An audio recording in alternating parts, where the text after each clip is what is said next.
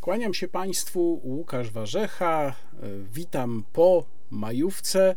Mam nadzieję, że dobrze ją Państwo spędzili, bo ja tak i część tej relacji z mojej podróży, no kolejnej już zresztą e, na Litwę, znajdą Państwo w dziale kulturalnym i krajoznawczym, czyli na końcu tego wideoblogu. Na początek, jak zawsze, dziękuję, że Państwo mój kanał odwiedzają. Dziękuję za wszystkie subskrypcje, komentarze, polubienia i jak zwykle również bardzo głęboko kłaniam się swoim mecenasom, bez których ten kanał by oczywiście nie mógł funkcjonować. Chciałbym na początek zaprosić. Dwa zaproszenia. Pierwsze zaproszenie to na spotkanie w Piotrkowie Trybunalskim. To będzie 27 maja o godzinie 18 w hotelu Mercure Piotrków Trybunalski.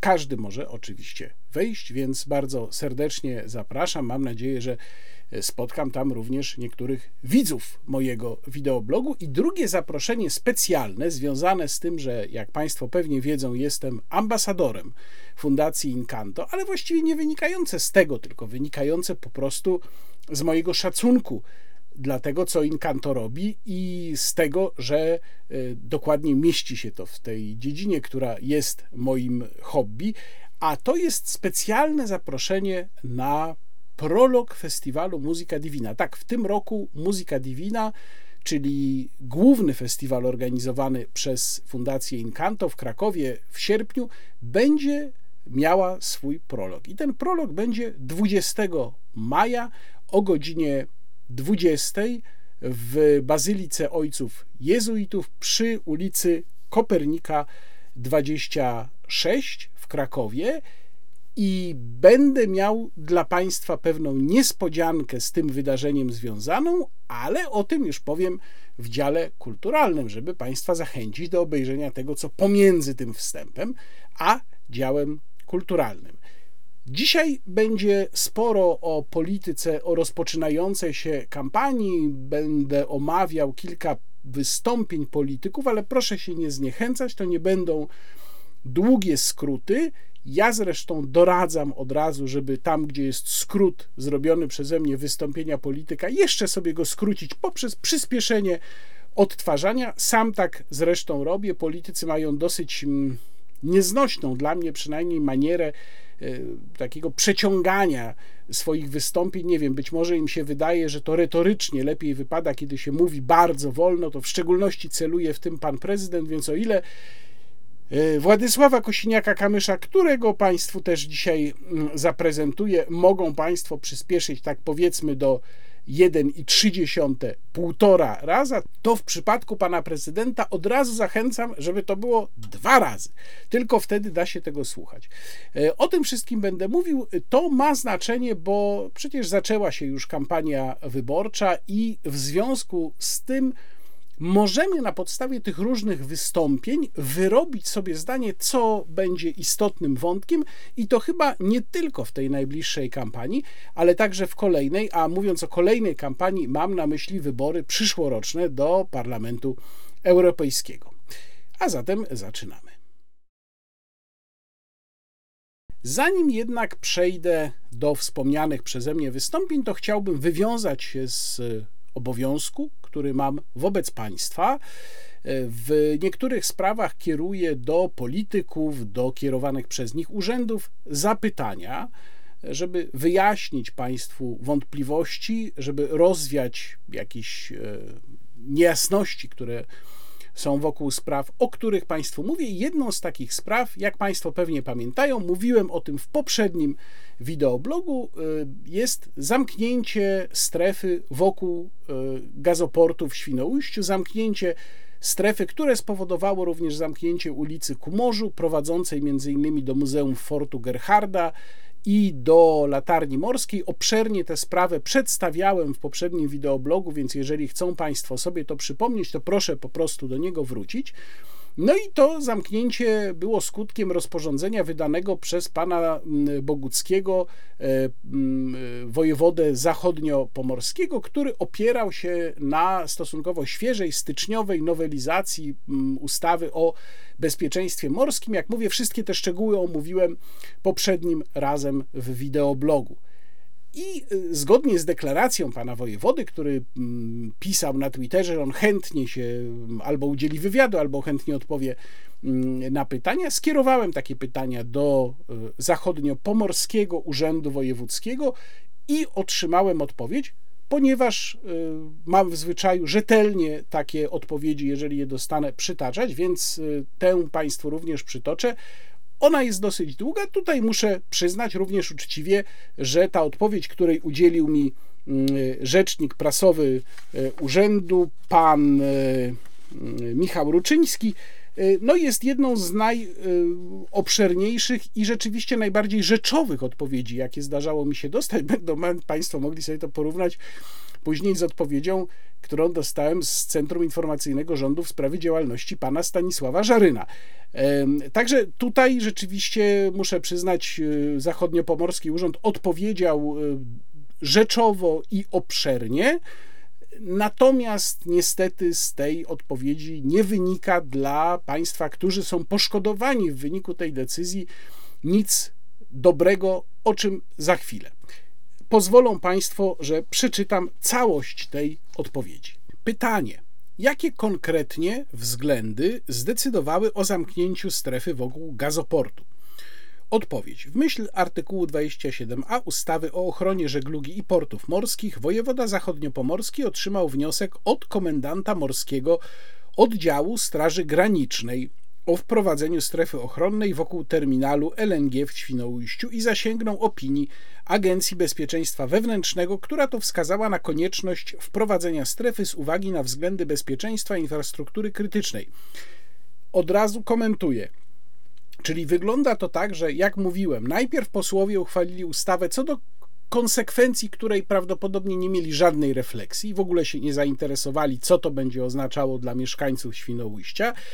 Natomiast wniosek i opinia w sprawie wniosku pochodziły z urzędów, z instytucji, które w ogóle nie muszą przejmować się mieszkańcami, no bo z jednej strony to jest Morski Oddział Straży Granicznej, no kompletnie mm, nie odpowiadający za to, w jakich warunkach żyją mieszkańcy danego miasta, no w tym wypadku Świnoujścia, i Agencja Bezpieczeństwa Wewnętrznego, która w ogóle już niczym nie musi się przejmować.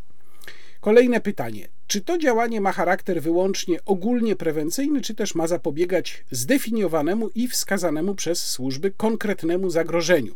Odpowiedź. Od ponad roku trwa wojna na Ukrainie, gdzie jednym z głównych celów rosyjskich ataków jest infrastruktura krytyczna.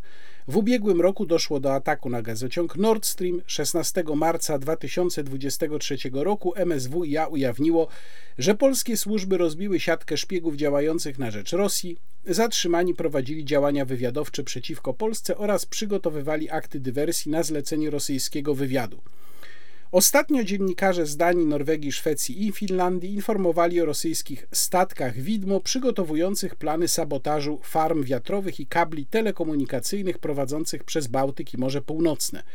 O zagrożeniu infrastruktury krytycznej Unii Europejskiej informowała również przewodnicząca Komisji Europejskiej Ursula von der Leyen, która wskazała na konieczność wzmocnienia gotowości oraz zdolności reagowania na zagrożenia. Mając wszystko powyższe na uwadze, to do dwóch przywołanych wyżej służb należy ocena stanu bezpieczeństwa. Skoro zatem zarówno Straż Graniczna i ABW były jednomyślne, to oczywiste jest, że zakaz musiał zostać wprowadzony. I tu znów powtarzam. Mówimy o służbach, które w ogóle nie muszą przejmować się skutkami swoich działań dla obywateli.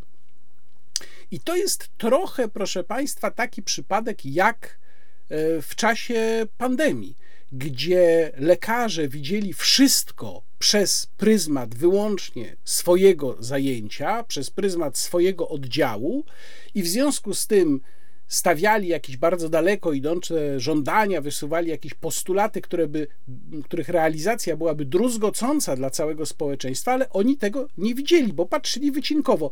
Mam wrażenie, że to jest dokładnie ten sam przypadek. Natomiast no, w przypadku pana wojewody, który realizował ten wniosek, mam wrażenie, że pan wojewoda zachował się po prostu jak bezwolny instrument. No przecież on jednak jest wojewodą, czyli jest łącznikiem pomiędzy społecznością lokalną, a tego typu instytucjami. I to on powinien był zwrócić uwagę tym instytucjom na konsekwencje ich działań.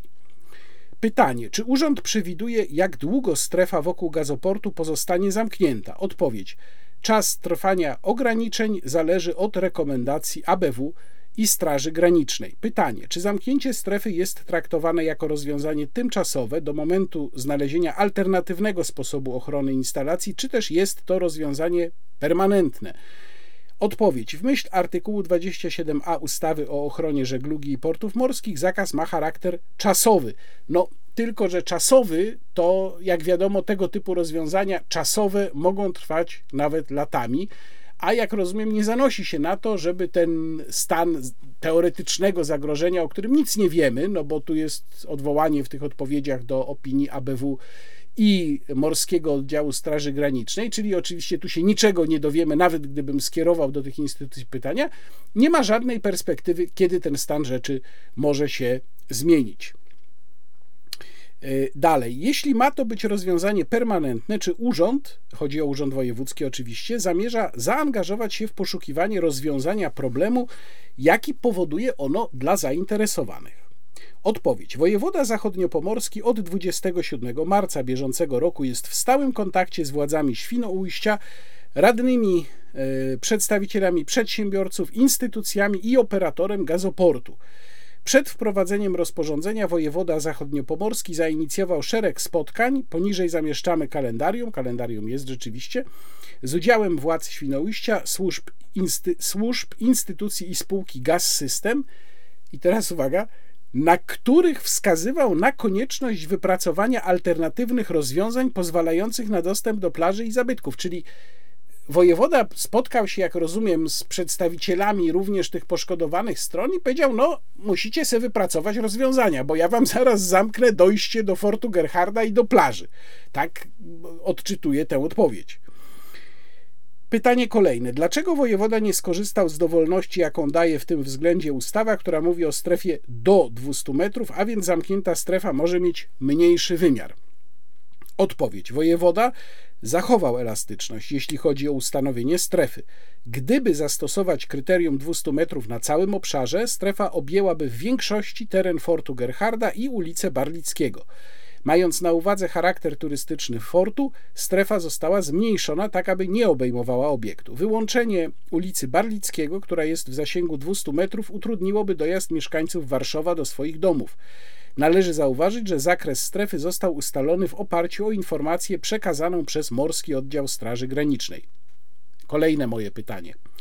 Czy urząd sprawdził mm, i zweryfikował, w tym z ochroną gazoportu, możliwości alternatywnych rozwiązań zapewniających instalacjom porównywalny poziom bezpieczeństwa, na przykład wprowadzenie węższej strefy ochronnej, dodatkowego monitoringu, zatrudnienia dodatkowej ochrony i tym podobne. Odpowiedź. Zakres i środki ochrony strategicznej infrastruktury krytycznej, jaką jest terminal LNG, nie podlegają kontroli ze strony wojewody. No ale nie o to ja pytałem, czy podlegają kontroli. Nigdzie na świecie strategiczne obiekty nie ujawniają informacji na temat stosowanych rozwiązań w tym zakresie. No przecież nie chodzi o to, żeby ten obiekt ujawniał informacje, tylko chodzi o to, żeby w ramach rozmów toczonych wyłącznie przez y, Urząd Wojewódzki który, no jak rozumiem, jest urzędem szczelnym, jeżeli chodzi również o informacje niejawne, mm, żeby ustalić, jak inaczej można zabezpieczyć obiekt. Operator terminala spółka Gaz System z zadowoleniem przyjął decyzję o ustanowieniu strefy ochronnej wokół terminalu LNG. No nie wątpię, że z zadowoleniem, bo każda taka decyzja, która oznacza po prostu mniej roboty, no bo to de facto jest mniej roboty z ochroną tego, e, będzie przyjęta z zadowoleniem. E, terminalu, który dla przypomnienia odpowiada za 30% krajowego zapotrzebowania na gaz. O ustanowienie strefy ochronnej wnioskowała Straż Graniczna i jednocześnie rekomendowała ją ABW, profesjonalne instytucje odpowiadające za bezpieczeństwo kraju, ale już mające gdzieś dobrostan mieszkańców w danym miejscu. No ale to już ustaliliśmy. I dalej, czy przed podjęciem decyzji Urząd Wojewody prowadził konsultacje z samorządem Świnoujścia, dzierżawcami Fortu Gerharda, właścicielami pensjonatów, na, których, na, który, na które wpływa ta decyzja, czy oszacowano jej skutki finansowe dla tych podmiotów. I tutaj yy, wymienione są różne spotkania, rzeczywiście jest to kalendarium, nawet jest mowa o tym, że była wizja lokalna, droga do zabytków, nabrzeże, plaża. E, jest mowa o tym, tutaj proszę moich widzów o zweryfikowanie, jak to rzeczywiście wyglądało, że podobno 11 kwietnia było spotkanie z mieszkańcami Warszawa przy Toru i Karsiboru w Świnoujściu oraz też była wizja lokalna. I wreszcie po raz kolejny jest powiedziane, że trzeba również zauważyć, że kiedy spełniły się łącznie przesłanki ustawowe, czyli wniosek Straży Granicznej i rekomendacja ABW, wojewoda działając odpowiedzialnie i zgodnie z ustawą musiał wprowadzić strefę ochronną. Czy musiał? Moim zdaniem nie wynika to wprost z ustawy, ale niech panu wojewodzie będzie. Czy urząd wojewódzki, to jest teraz uwaga bardzo ważne z punktu widzenia wszelkich biznesów, które są w wyniku tej operacji poszkodowane tutaj szczególnie proszę o uwagę tych z Państwa, których to bezpośrednio dotyka. Moje pytanie brzmiało: czy Urząd Wojewódzki przewiduje wypłacenie odszkodowań w tej sprawie? A jeśli tak, to na jakich zasadach i jaka jest przeznaczona na to pula pieniędzy? I odpowiedź brzmi: Wojewoda, jako organ wykonujący przepisy prawa, działa w tym przypadku na podstawie ustawy o ochronie żeglugi i portów morskich, w której nie przewidziano procedury odszkodowawczej. Jeżeli ustawa zostanie zmieniona i znajdą się w niej zapisy o rekompensatach, no i tu jest pytanie, czy będzie taka propozycja w Sejmie, wojewoda będzie się do nich stosował. Należy w tym miejscu zauważyć, że osoby i podmioty poszkodowane mogą dochodzić odszkodowania na zasadach ogólnych jeżeli wykażą, że poniosły szkodę.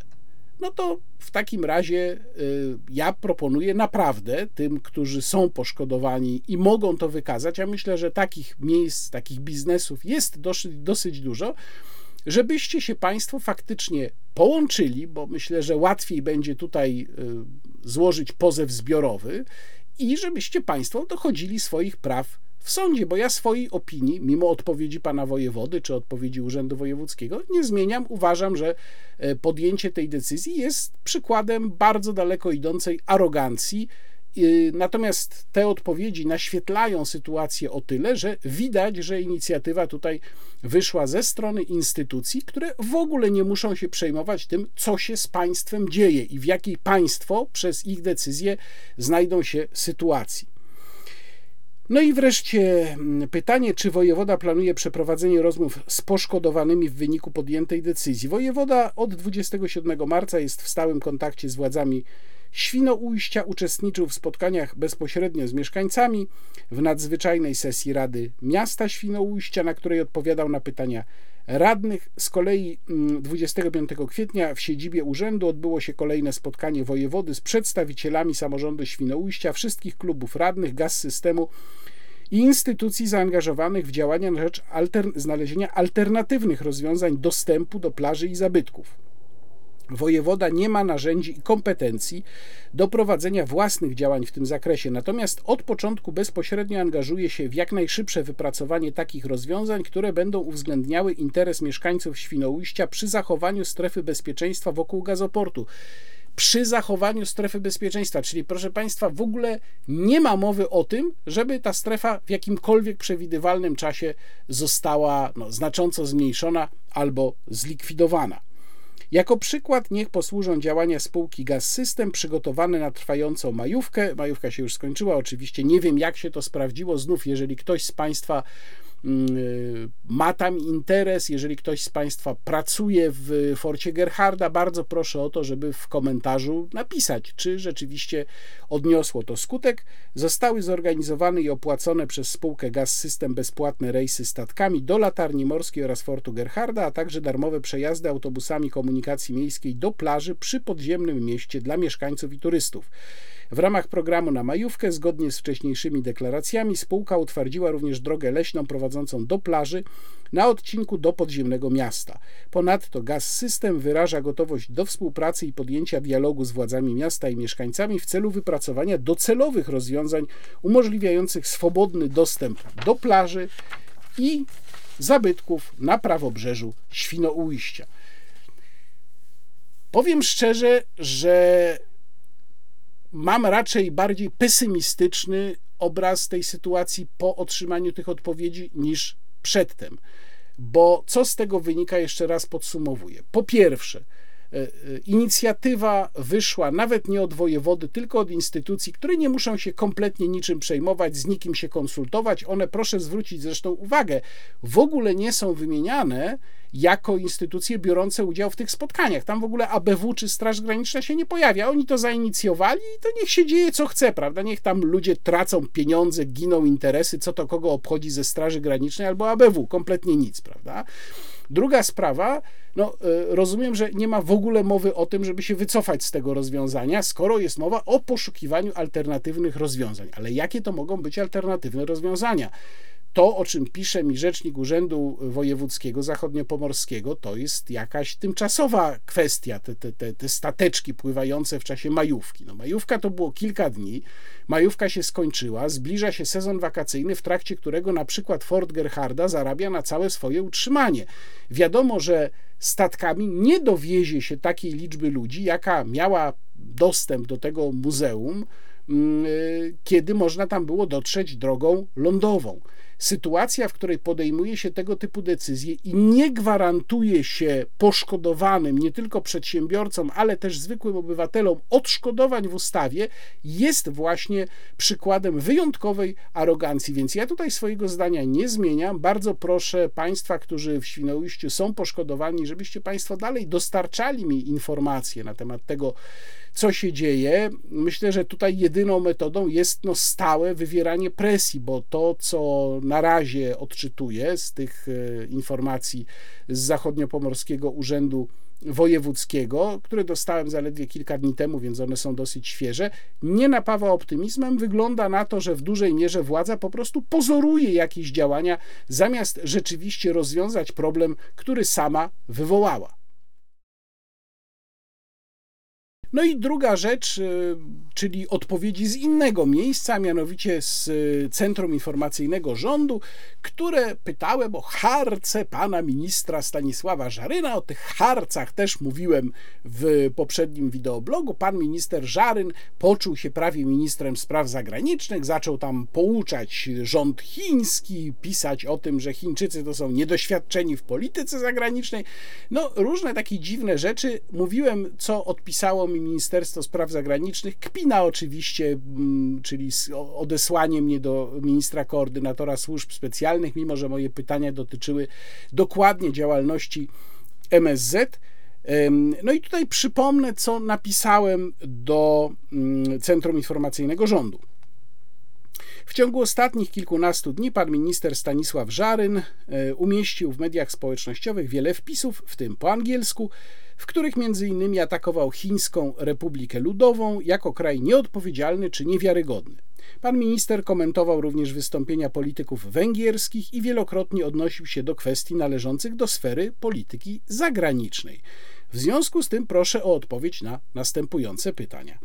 Czy sfera kompetencji powierzonych pełnomocnikowi rządu do spraw bezpieczeństwa przestrzeni informacyjnej została w ostatnim czasie powiększona o zagadnienia z dziedziny polityki zagranicznej?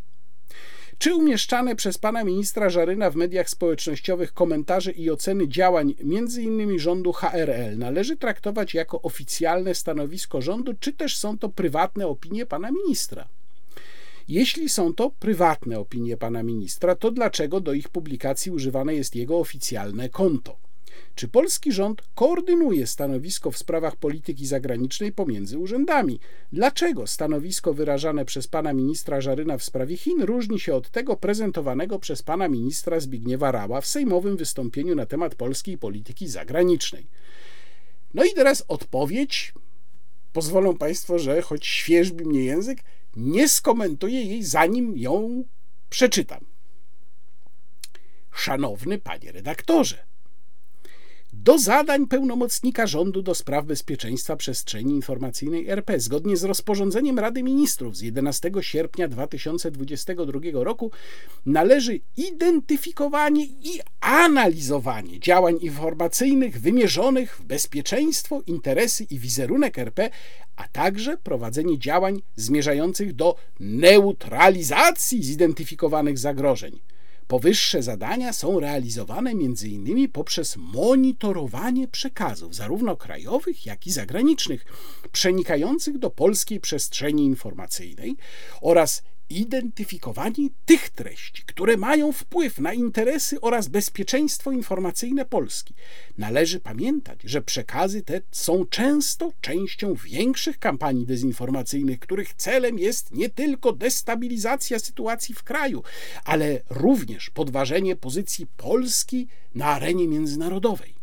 Informowanie opinii publicznej o pojawiających się w infosferze zagrożeniach jest kluczowe dla ich neutralizowania, jak również dla podnoszenia świadomości społecznej, a tym samym budowania odporności na operacje psychologiczno-informacyjne wymierzone w bezpieczeństwo, interesy i wizerunek Polski. Z wyrazami szacunku Centrum Informacyjne Rządu. Czy Państwo coś z tego zrozumieli?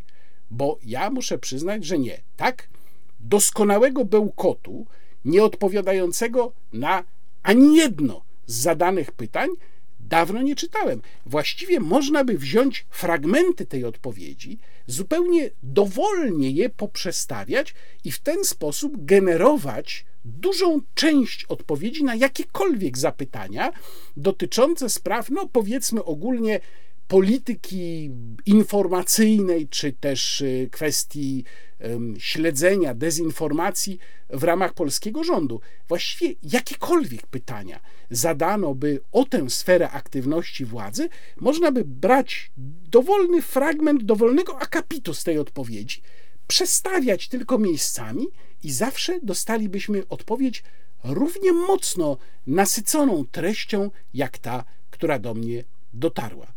Bardzo serdecznie pozdrawiam Centrum Informacyjne Rządu, a w szczególności bardzo, bardzo serdecznie pozdrawiam pana ministra Stanisława Żaryna.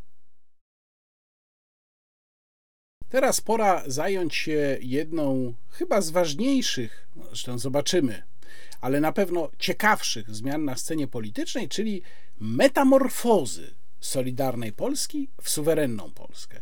I tu od razu zapraszam Państwa na najbliższy czwartkowy odcinek rozmowy niekontrolowanej, gdy moim gościem będzie pan Jacek Ozdoba, wiceminister klimatu i środowiska, ale co ważniejsze, rzecznik Solidarnej Polski wcześniej, teraz suwerennej Polski, którego przepytałem, y, no bo rozmowa już jest nagrana, przepytałem go bardzo dokładnie na okoliczność wielu spraw, również wątpliwości, o których za chwilę Państwu powiem, bo jak się y, przyglądaliśmy, jak ktoś się przyglądał konwencji y, suwerennej Polski, to zauważył pewnie dwie rzeczy. To znaczy, po pierwsze, że ona była rzeczywiście ładnie i mm, starannie zrobiona, jeżeli chodzi o kwestie organizacyjne, o kwestie techniczne, o sam kształt, jak na partię, no powiedzmy sobie szczerze, małą, niedużą, rzeczywiście została dobrze przygotowana.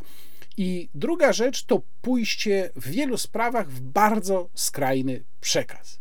No ale żeby zilustrować to należycie, bo trzeba też, jak wielokrotnie Państwu mówię, poczuć pewną atmosferę wystąpienia, chciałbym Państwu pokazać skrót z najważniejszego przemówienia tej konwencji, czyli z wystąpienia pana ministra Zbigniewa Ziobro. Proszę zobaczyć, proszę posłuchać. Suwerenność Polski jest dziś zagrożona najbardziej od czasu upadku komunizmu. Mamy jednocześnie do czynienia z dwoma niebezpiecznymi procesami. Z jednej strony Rosja prowadzi krwawą napastniczą wojnę z naszym sąsiadem. Ta wojna może też bezpośrednio zagrażać nam, dotknąć Polski i Polaków, oby tak się nie stało, ale musimy być gotowi, musimy być przygotowani. Z drugiej strony lewicowi fanatycy w Europie Zachodniej forsują projekt zmian Unii Europejskiej w państwo federalne, państwo pod niemieckim przywództwem.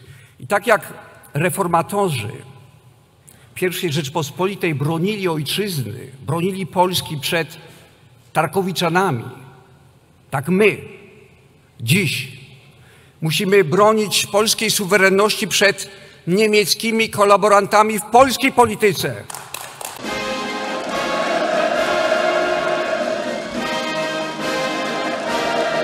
Jeśli się poddamy, nie będziemy mieli demokracji, lecz posłuszną Berlinowi Tuskową sitwę.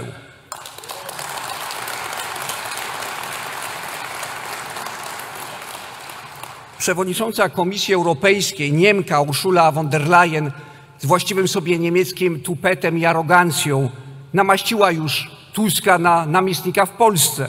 für Deutschland. Publicznie wyraziła życzenie, aby to właśnie on był premierem w naszym kraju. To pokazuje, że Niemcy traktują Tuska jak swego agenta wpływu w Warszawie. Prezydent Macron dołączył do tego dodatkowy postulat powołania Europejskiej Agencji Ochrony Demokracji. Po co? Zapewne ostateczną rolą tej instytucji byłoby ściganie wszelkiego rodzaju nieprawomyślności i niepoprawności politycznej. A więc przykładowo odbieranie dzieci polskim rodzinom, jeśli nie chciałyby zgodzić się na edukację wedle ideologii gender LGBT, która tam ma być standardem. Ideologii oznaczającej deprawację dzieci. Wszystkich dzieci, niezależnie czy są polskie, czy też z jakiegokolwiek innego kraju Unii Europejskiej. Droga do tego ma prowadzić przez wzmocnienie, jak mówi Scholz, zasady pieniądze za praworządność. Czyli przez to, przez zaostrzenie narzędzi szantażu. Zresztą to już następuje, o czym przekonują się między innymi polskie samorządy i co widzimy w przypadku KPO. A kto przed tym ostrzegał?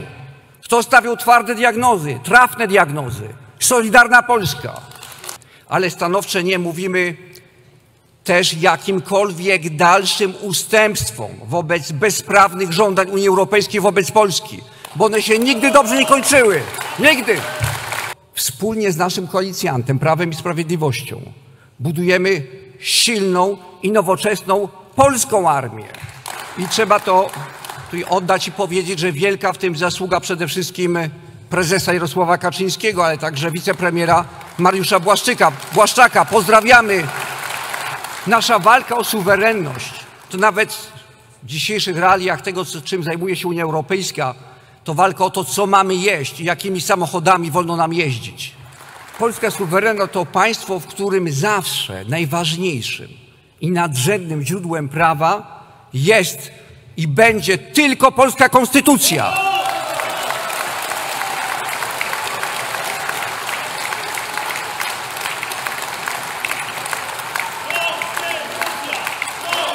Konstytucja. Konstytucja. Konstytucja. Konstytucja. Konstytucja. Atrybutem suwerenności jest także posiadanie własnej waluty. Dlatego nie zgadzamy się na porzucenie złotówki i przyjęcie euro. Odrzucamy lansowane przez Unię zepsucie i wynaturzenia, niszczenie rodziny i deprawację dzieci. Odrzucamy tę nową, nową mowę, którą chcą nam narzucić, odrzucenie słowa mama i tata. Odrzucamy to. Nie zgadzamy się. Nie będziemy zamykać kopalń, gdy Niemcy otwierają własne. Nie będziemy reformować sądów pod obce dyktando.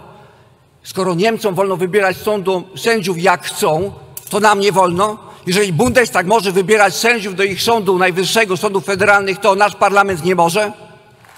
Nie ma wreszcie suwerenności bez sprawiedliwości, bez sprawiedliwych sądów i uczciwych sędziów. Nie potrzebujemy polityków w togach, którzy ze wsparcia Brukseli czerpią swą butę i siłę. Sądy mają służyć Polakom, a nie interesom nadzwyczajnej kasty. Nie pozwolimy tłamsić polskiej przedsiębiorczości bzdurnymi unijnymi dyrektywami i podatkami, które tłumią pracowitość, zaradność, podcinają nam skrzydła i windują ceny. Marchew nigdy nie będzie owocem, a ślimak rybą, mimo że tak zarządziła Unia Europejska. Ostrzegaliśmy. Ostrzegaliśmy już 10 lat temu, że konsekwencją unijnej polityki klimatycznej będzie drożyzna, że to obłęd, że hamuje rozwój gospodarki, że będzie wpędzać ludzi w biedę. Dziś, w wyniku właśnie tej polityki klimatycznej, rachunki za prąd są już ponad dwukrotnie wyższe, właśnie przez unijny podatek klimatyczny. Nie chcemy drożyzny, nie chcemy wyższych rachunków za prąd. I dlatego nie zgadzamy się na to, aby nabijać kabzę spekulantom od unijnego parapodatku ETS. To właśnie w interesie tych spekulantów Bruksela wymyśla kolejne pakiety klimatyczne. Według ekspertów Polskiego Banku, PKO SA, szalony pakiet Fit for 55, ten kolejny poziom polityki klimatycznej wprowadzany w Europie, w Unii Europejskiej, jeśli byłby urzeczywistniony w naszym kraju, będzie nas, Polaków, kosztował kwotę odpowiadającą dwóm rocznym budżetom polskiego państwa. Dodatkowo będziemy musieli wydać z naszych polskich kieszeni kwotę odpowiadającą dwóm budżetom państwa. Nie możemy się na to zgodzić. Nie godzimy się na wyższe składki do Unii Europejskiej, które pociąga ze sobą KPO. Lepiej zagospodarujemy te pieniądze sami. Wydamy je w sposób bardziej rozumny niż zrobi to za nas Unia Europejska. Dlatego tak bardzo potrzebny jest nasz głos, głos suwerennej Polski, głos sumienia i strażnika pryncypiów Zjednoczonej Prawicy, głos sumienia i strażnika pryncypiów Zjednoczonej Prawicy, głos sumienia i strażnika pryncypiów Zjednoczonej Prawicy. Płacimy już zbyt wiele za otwartość wobec Unii, za ufność i naiwność. Płacimy uległością i zgniłymi kompromisami. Płacimy upokorzeniami.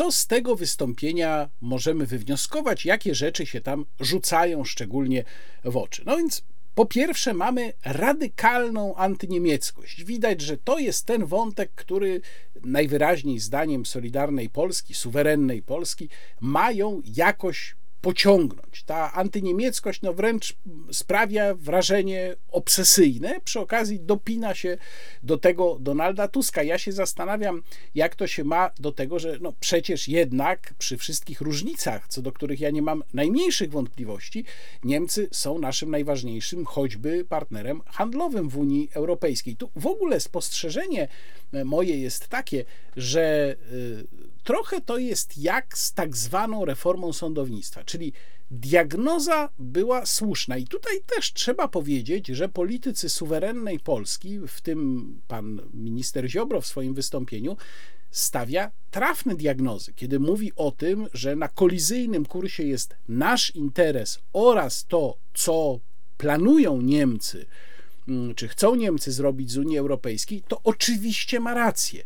Tylko pytanie jest, o to, co proponuje w związku z tym. Tu nawiasem mówiąc, taka, taka, taki zabawny wątek, poboczny, ale zabawny, mianowicie e, pan minister Ziobro tam pokazuje umowę koalicyjną pomiędzy niemieckimi partiami, mówiąc, że w tej umowie jest właśnie zapisane to, żeby pójść w stronę tak naprawdę e, pa, państwa federalnego, no bo zniesienie zasady weta w głosowaniach w Unii Europejskiej to by właśnie oznaczało. I mówi, że to wprost jest tutaj zapisane.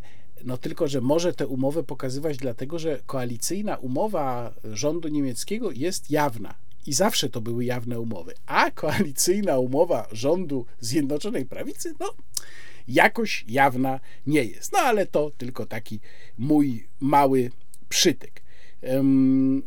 Warto zauważyć, że nie było tam polityków Prawa i Sprawiedliwości podczas tej konwencji, natomiast y, no, wyzłośliwiał się w tej sprawie y, pan y, Ryszard Terlecki, który na Twitterze napisał właśnie to, a więc, że mała partia, 1% poparcia, to rzeczywiście akurat jest prawda, bo mniej więcej tyle mm, zyskiwała suwerenna, czy jeszcze wcześniej Solidarna Polska w momencie, kiedy znalazła się jako odrębna pozycja w sondażu, ogłasza, że to ona będzie bronić suwerenności Polski. Zmiana nazwy nic nie zmieni, tylko Prawo i Sprawiedliwość może zapewnić Polsce wolność i rozwój. Tak napisał na Twitterze Ryszard Terlecki. No więc y, tutaj spośród polityków Prawa i Sprawiedliwości mm, Zbigniew Ziobro wymienił tylko Jarosława Kaczyńskiego, no to jest pewna jazda obowiązkowa i Mariusza Błaszczaka. To jest bardzo ciekawe. Dlaczego akurat Mariusza Błaszczaka? Przecież nie dlatego, że Mariusz Błaszczak właśnie nam rozbudowuje polską armię i akurat jemu trzeba podziękować, bo można by podobnie potraktować różnych ministrów mm, w tym rządzie. No myślę, że tutaj chodzi o to, żeby pokazać, na kogo się stawia, bo przecież będzie y, gdzieś w grze w którymś momencie kwestia tego, kto ewentualnie miałby kierować rządem, gdyby się tak złożyło, że jednak to Zjednoczona Prawica w jakiejś tam konfiguracji nadal sprawowałaby władzę. No i myślę, że gra Zbigniewa Ziobry na to, żeby nie był dalej premierem Mateusz Morawiecki, będzie już bardzo, bardzo ostra. Pytanie, jak duże środki nacisku minister Ziobro tutaj ma, bo przecież w samej Solidarnej Polsce, czy suwerennej Polsce, przepraszam, jest spór o to, czy można w ogóle myśleć o tym, żeby pójść osobno. Zdaje się, że ten wariant jakoś tam jest wciąż rozpatrywany, czy też w, w zasadzie no, trzeba już przyjąć za pewnik, że się idzie razem. E, no i wtedy, czy można na przykład tym, że się nie pójdzie razem, zaszantażować w jakimś stopniu Jarosława Kaczyńskiego i wymóc na nim, żeby obiecał, że Mateusz Morawiecki nie będzie premierem. Co nawiasem mówiąc, ja uważałbym za ogromne nieszczęście, bo uważam Mateusza Morawieckiego za jednego z absolutnie najbardziej szkodliwych polityków dla Polski w historii mm, trzeciej RP. Zresztą Mateusz Morawiecki no nie został co prawda wymieniony z imienia i nazwiska przez pana ministra Ziobrę w jego wystąpieniu, ale za to wiele było takich miejsc, z których część Państwu tutaj w tym skrócie pokazałem, gdzie pan minister Ziobro ewidentnie robił przytyki do Mateusza Morawieckiego, takie tylko lekko e, zawoalowane. Pojawiły się zresztą już wzmianki o tym, że Mateusz Morawiecki miałby w 2025 roku kandydować na prezydenta. No muszę powiedzieć, że gdyby się tak nie daj Boże złożyło, że Mateusz Morawiecki zostałby prezydentem, następnym prezydentem Polski, byłby to dla Polski dramat, bo jak mówię, jest to jeden ze zdecydowanie najszkodliwszych polityków w historii trzeciej RP.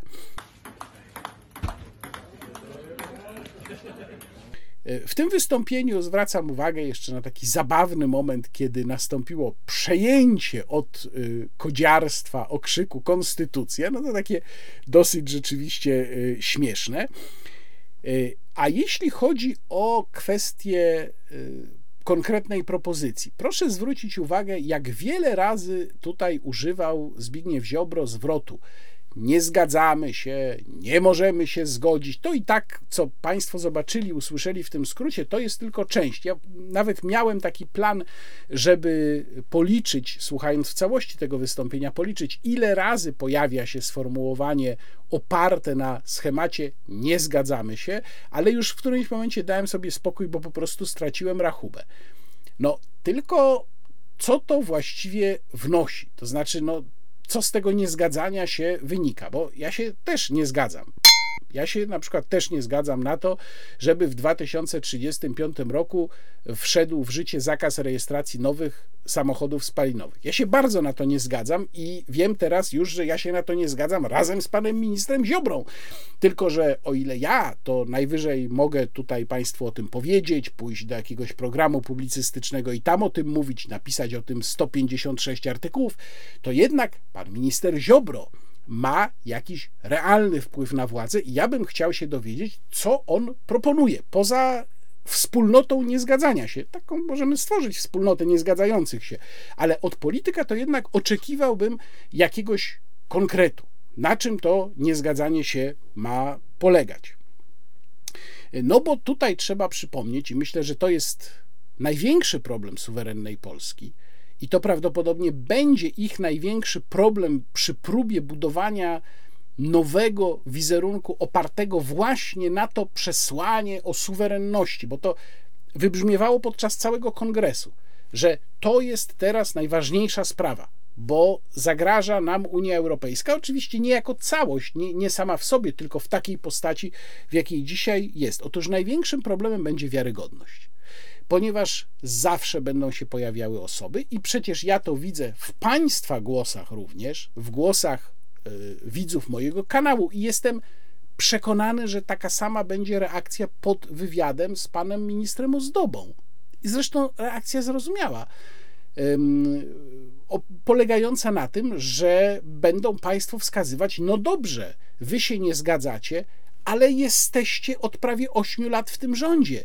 Jest te, jesteście częścią tej koalicji, która de facto legitymizuje ten kierunek. Nie wyszliście z tego rządu.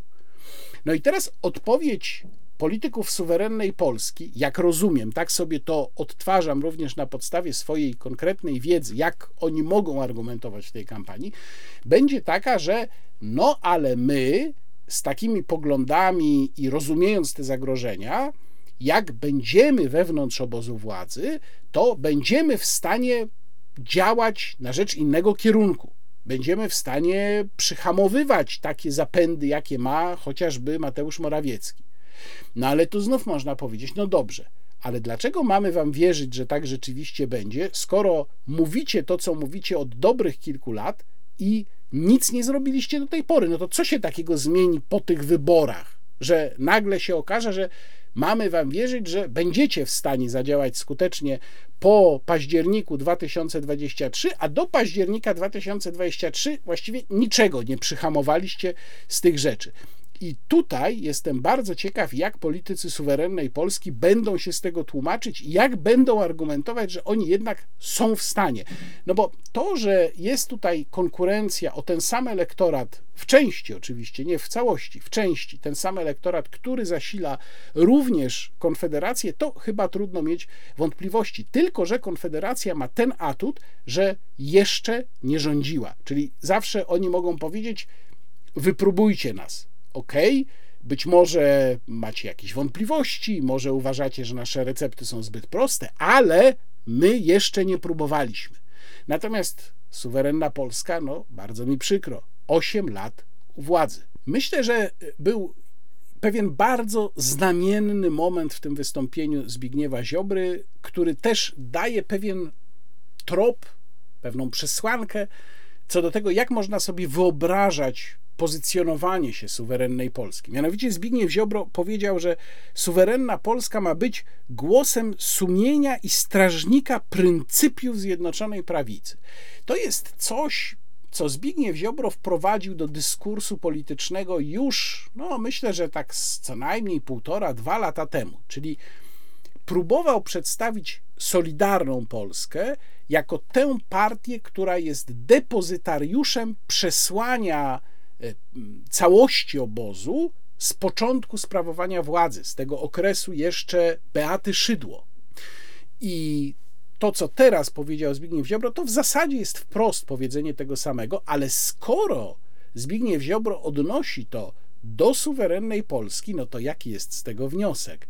Że PiS tych wartości już nie przechowuje, że potrzebna jest suwerenna Polska, po to, żeby te wartości przechować. To jest bardzo ważny i znaczący fragment tego wystąpienia. Zmiana nazwy sama w sobie może oczywiście tworzyć ryzyko, no bo Solidarna Polska była bardzo słabo rozpoznawalna, suwerenna Polska może będzie się trochę o niej teraz mówić w związku z przekształceniem właśnie, czy właściwie to jest formalnie rzecz biorąc założenie nowego ugrupowania, ale czy to pozwoli wylansować je, nie wiem. Wydaje mi się, że problem polega również na tym, że pewna linia polityczna jest bardzo ściśle związana z nazwiskiem Zbigniewa Ziobry, że bardzo wielu wyborców nie ma świadomości, że to jest formacja Zbigniewa Ziobry, która się nazywała Solidarna Polska, teraz Suwerenna Polska, kojarzy Zbigniewa Ziobrę raczej z zamieszaniem w wymiarze sprawiedliwości, niekoniecznie kojarzy na przykład Janusza Kowalskiego czy właśnie Jacka Ozdobę z pewną rzeczywiście spójną linią przekazu Solidarnej Polski wcześniej, teraz suwerennej Polski. Jednym słowem, tu jest ogromny problem z samym wizerunkiem, z tym, żeby wyborca zaczął kojarzyć markę z liderem tej marki i z politykami, którzy z tym liderem współpracują. Myślę, że tutaj praca do wykonania jest ogromna i naprawdę nie wiem, czy da się ją wykonać w pół roku. No oczywiście są też złośliwi, którzy twierdzą, że w ogóle założenie nowej partii pod nowym szyldem zostało wymuszone decyzją Państwowej Komisji Wyborczej z połowy, chyba z sierpnia, jeśli dobrze pamiętam, ubiegłego roku, która to decyzja odnosiła się do sprawozdania finansowego mm, za rok 2020 i tam wykryto nieprawidłowości, które powodowałyby, że gdyby Solidarna Polska startowała pod własnym szyldem, czyli pod tym, pod którym doszło do tych nieprawidłowości, o których mówiła PKW, to nie otrzymałaby podobno subwencji. No więc powołuje się nową organizację, nową partię, która ma y, czyste konto. Ale czy rzeczywiście tak jest? No, od decyzji PKW też można się odwoływać. Tego nie wiem.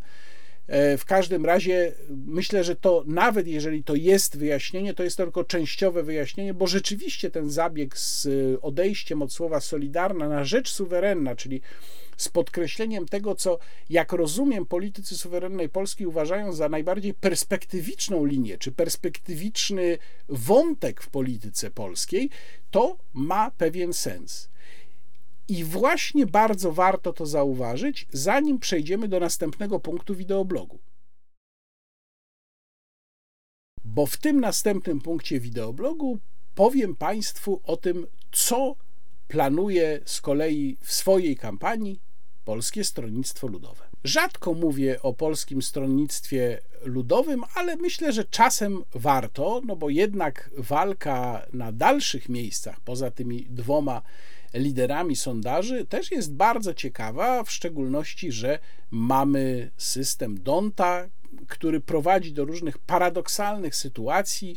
O tym więcej mówił w, niedawno w rozmowie niekontrolowanej Marcin Paladę. Przypominam, że z Marcinem Paladę będę się spotykał też regularnie co kilka tygodni po to, żeby omówić to, co się dzieje w sondażach przed wyborami. System Donta jest skonstruowany w taki sposób, że te dalsze miejsca mają znaczenie, natomiast e, PSL, Koalicja Polska, postanowiło połączyć się formalnie, czyli stworzyć formalny komitet koalicyjny z Polską 2050 Szymona Hołowni, a to, przypominam, oznacza, że muszą przekroczyć próg nie 5, ale 8%, żeby dostać się do Sejmu.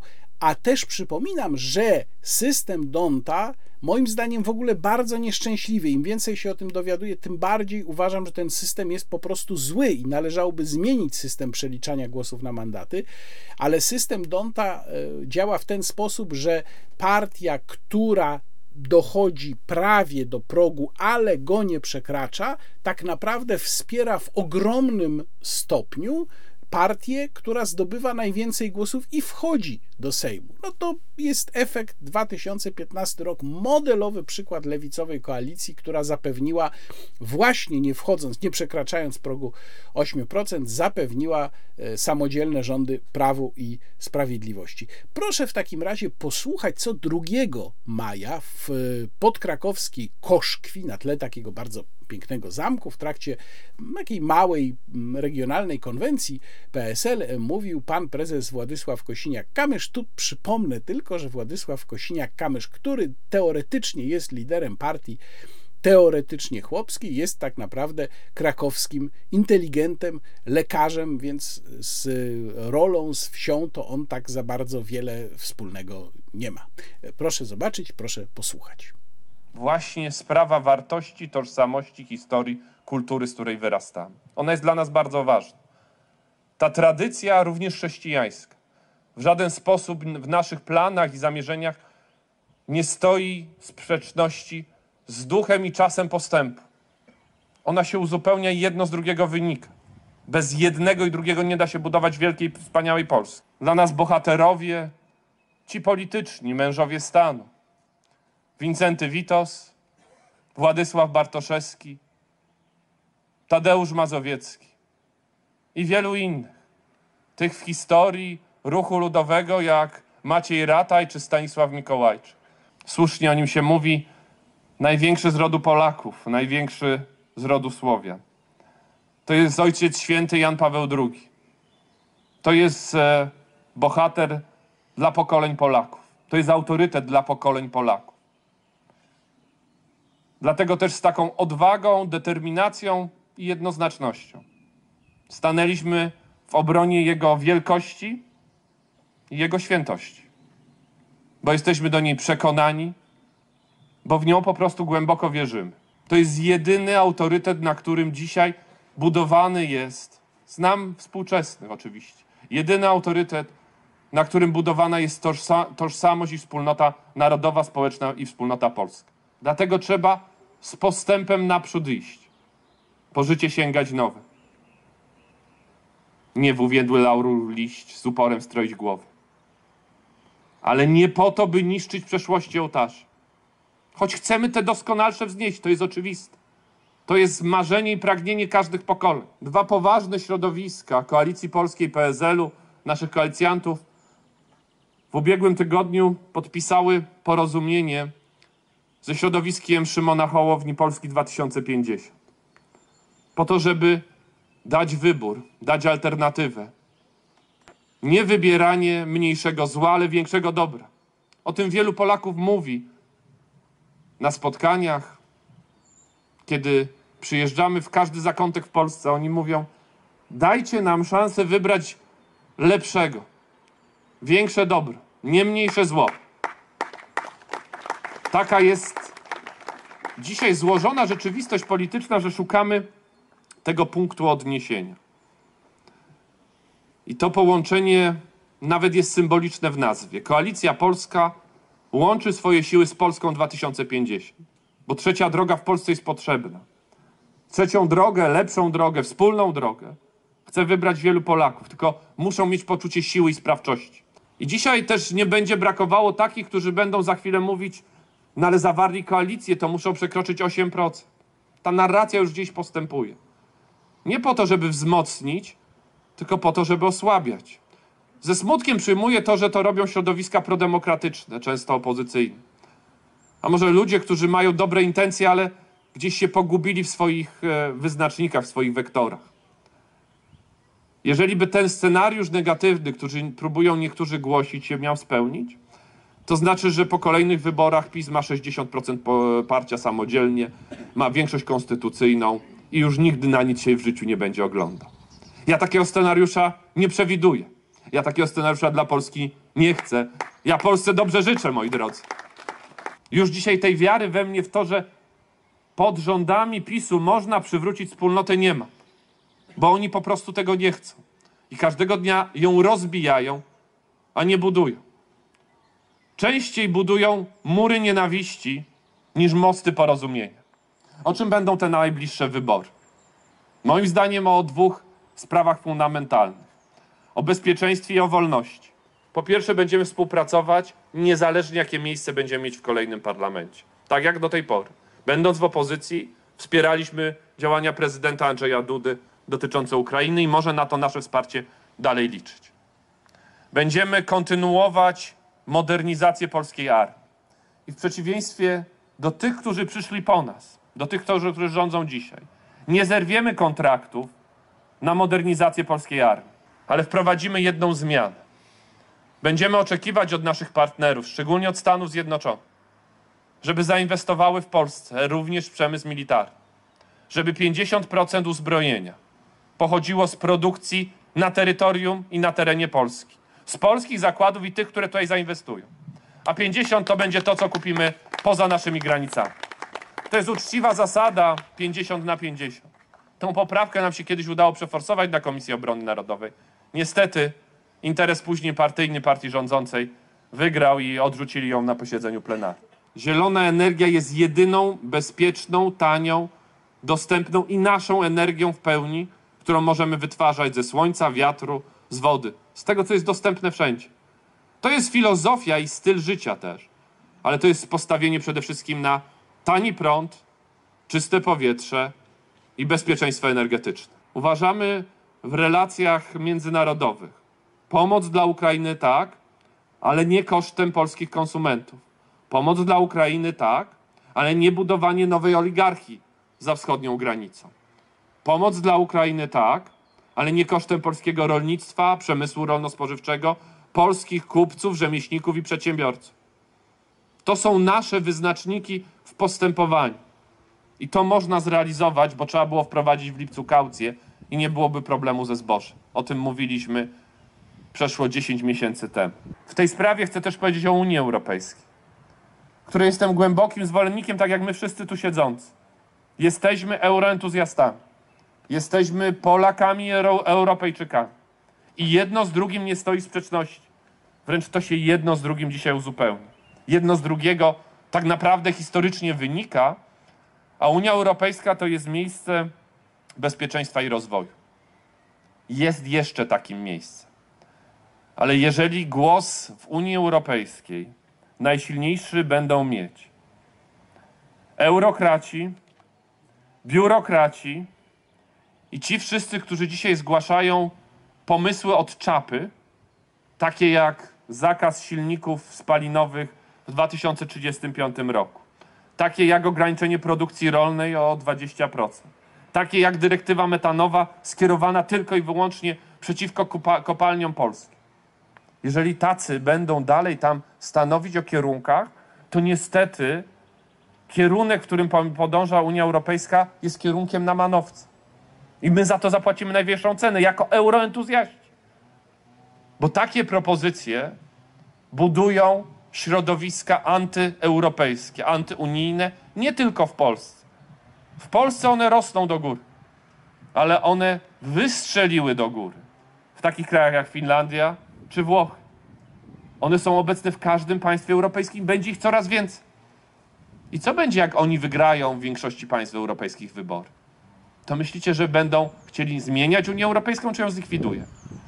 Jeżeli patrioci i euroentuzjaści spod biało-czerwonej, szanującej flagę unijną, nie wezmą się, nie zjednoczą również w Europie, nie będą współpracować nie będą zmieniać Unii Europejskiej, żeby przyjęła tory szacunku dla narodowości i dla państwowości, rozsądku, propozycji dla obywatela, a nie nakazów czy ukazów ograniczających wolność. Tak, to będą też te wybory w tym znaczeniu o wolności. Bo dlaczego samochody elektryczne mają nie być powszechne? Jeżeli będą tanie, dostępne i lepiej wydajne niż spalinowe, to nie potrzebujemy żadnej dyrektywy, one po prostu będą w powszechnym użyciu. A jeżeli nie spełnią tych wymogów, to nawet choćby jakiś eurokrata i biurokrata z Brukseli stawał na głowie, to i tak nie zmusi nikogo w naszym kraju do kupna takiego samochodu. Bo to jest po prostu bez sensu. Bo dzisiaj Narodowy Fundusz Zdrowia jest wszechmo, wszechmocny. Jest jedynym płatnikiem świadczeń, więc nie ma konkurencji. Wyznacza tak naprawdę centralnie, bo te ośrodki regionalne już nie mają żadnego znaczenia i wyznacza, ile komu da pieniędzy. Trzeba konkurencji do NFZ-u, bo wtedy wycena świadczeń będzie inna. Wolność to też wolność gospodarcza. Nie ma takiej prawdziwej wolności bez niezależności gospodarczej, bez własnych firm. Tych najmniejszych, które najwięcej wnoszą do PKB i tych największych, bo one dają poczucie narodom, państwom i społeczeństwom poczucie wolności ekonomicznej. W współczesnym świecie nie ma prawdziwej wolności bez wolności ekonomicznej. Wolność gospodarcza, możliwość prowadzenia działalności gospodarczej. Tak, żeby to się opłacało, żeby prowadzenie firmy w Polsce nie było drogą przez mękę, ale żeby się po prostu opłacało. I wszystkim przedsiębiorcom w Polsce chcę obiecać jedną podstawową rzecz. Nie obiecam wam złotych gór. Nie obiecam, że na wszystko dostaniecie dotacje.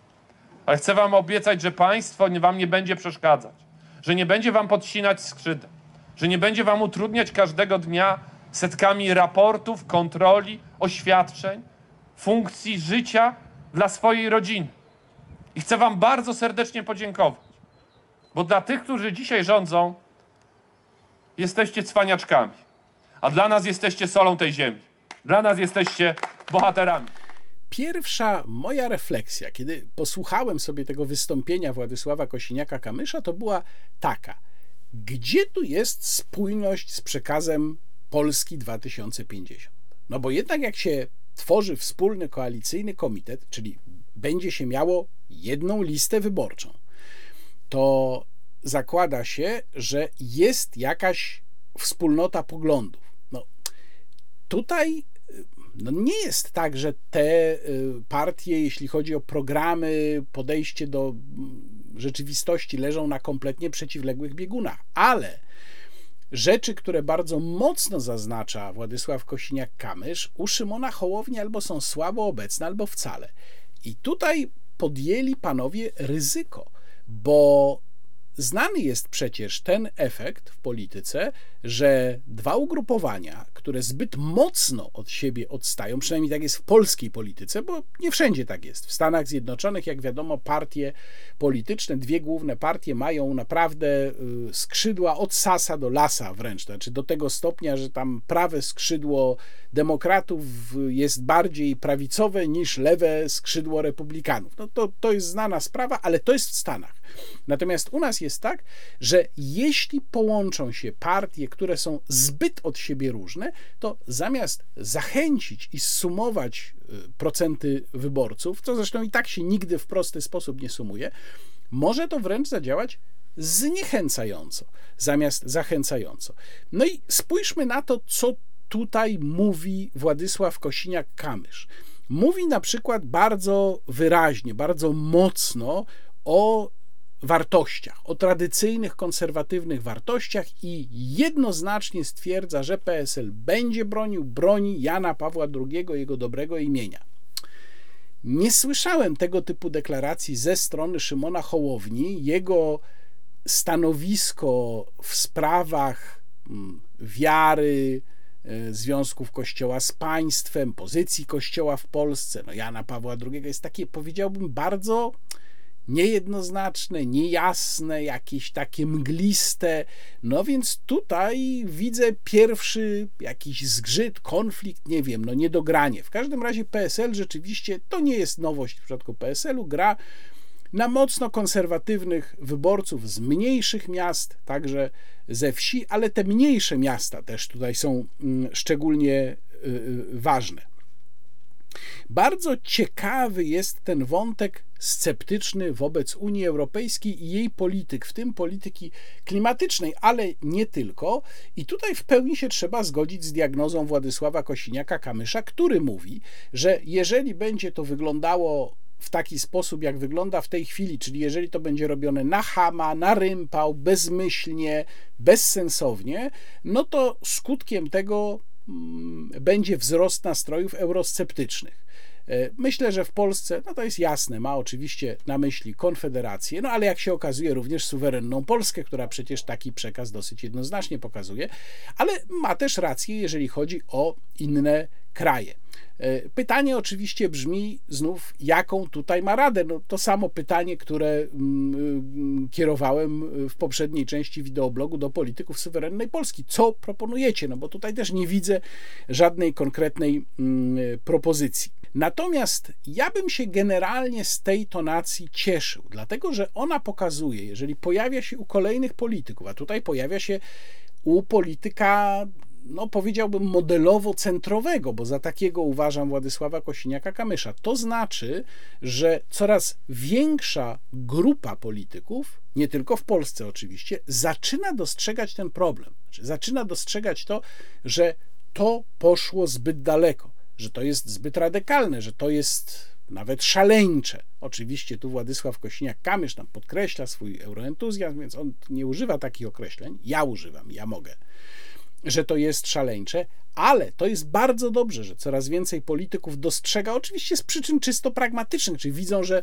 e, tutaj jest elektorat do wzięcia, bo to może sygnalizować jednak nadchodzącą zmianę.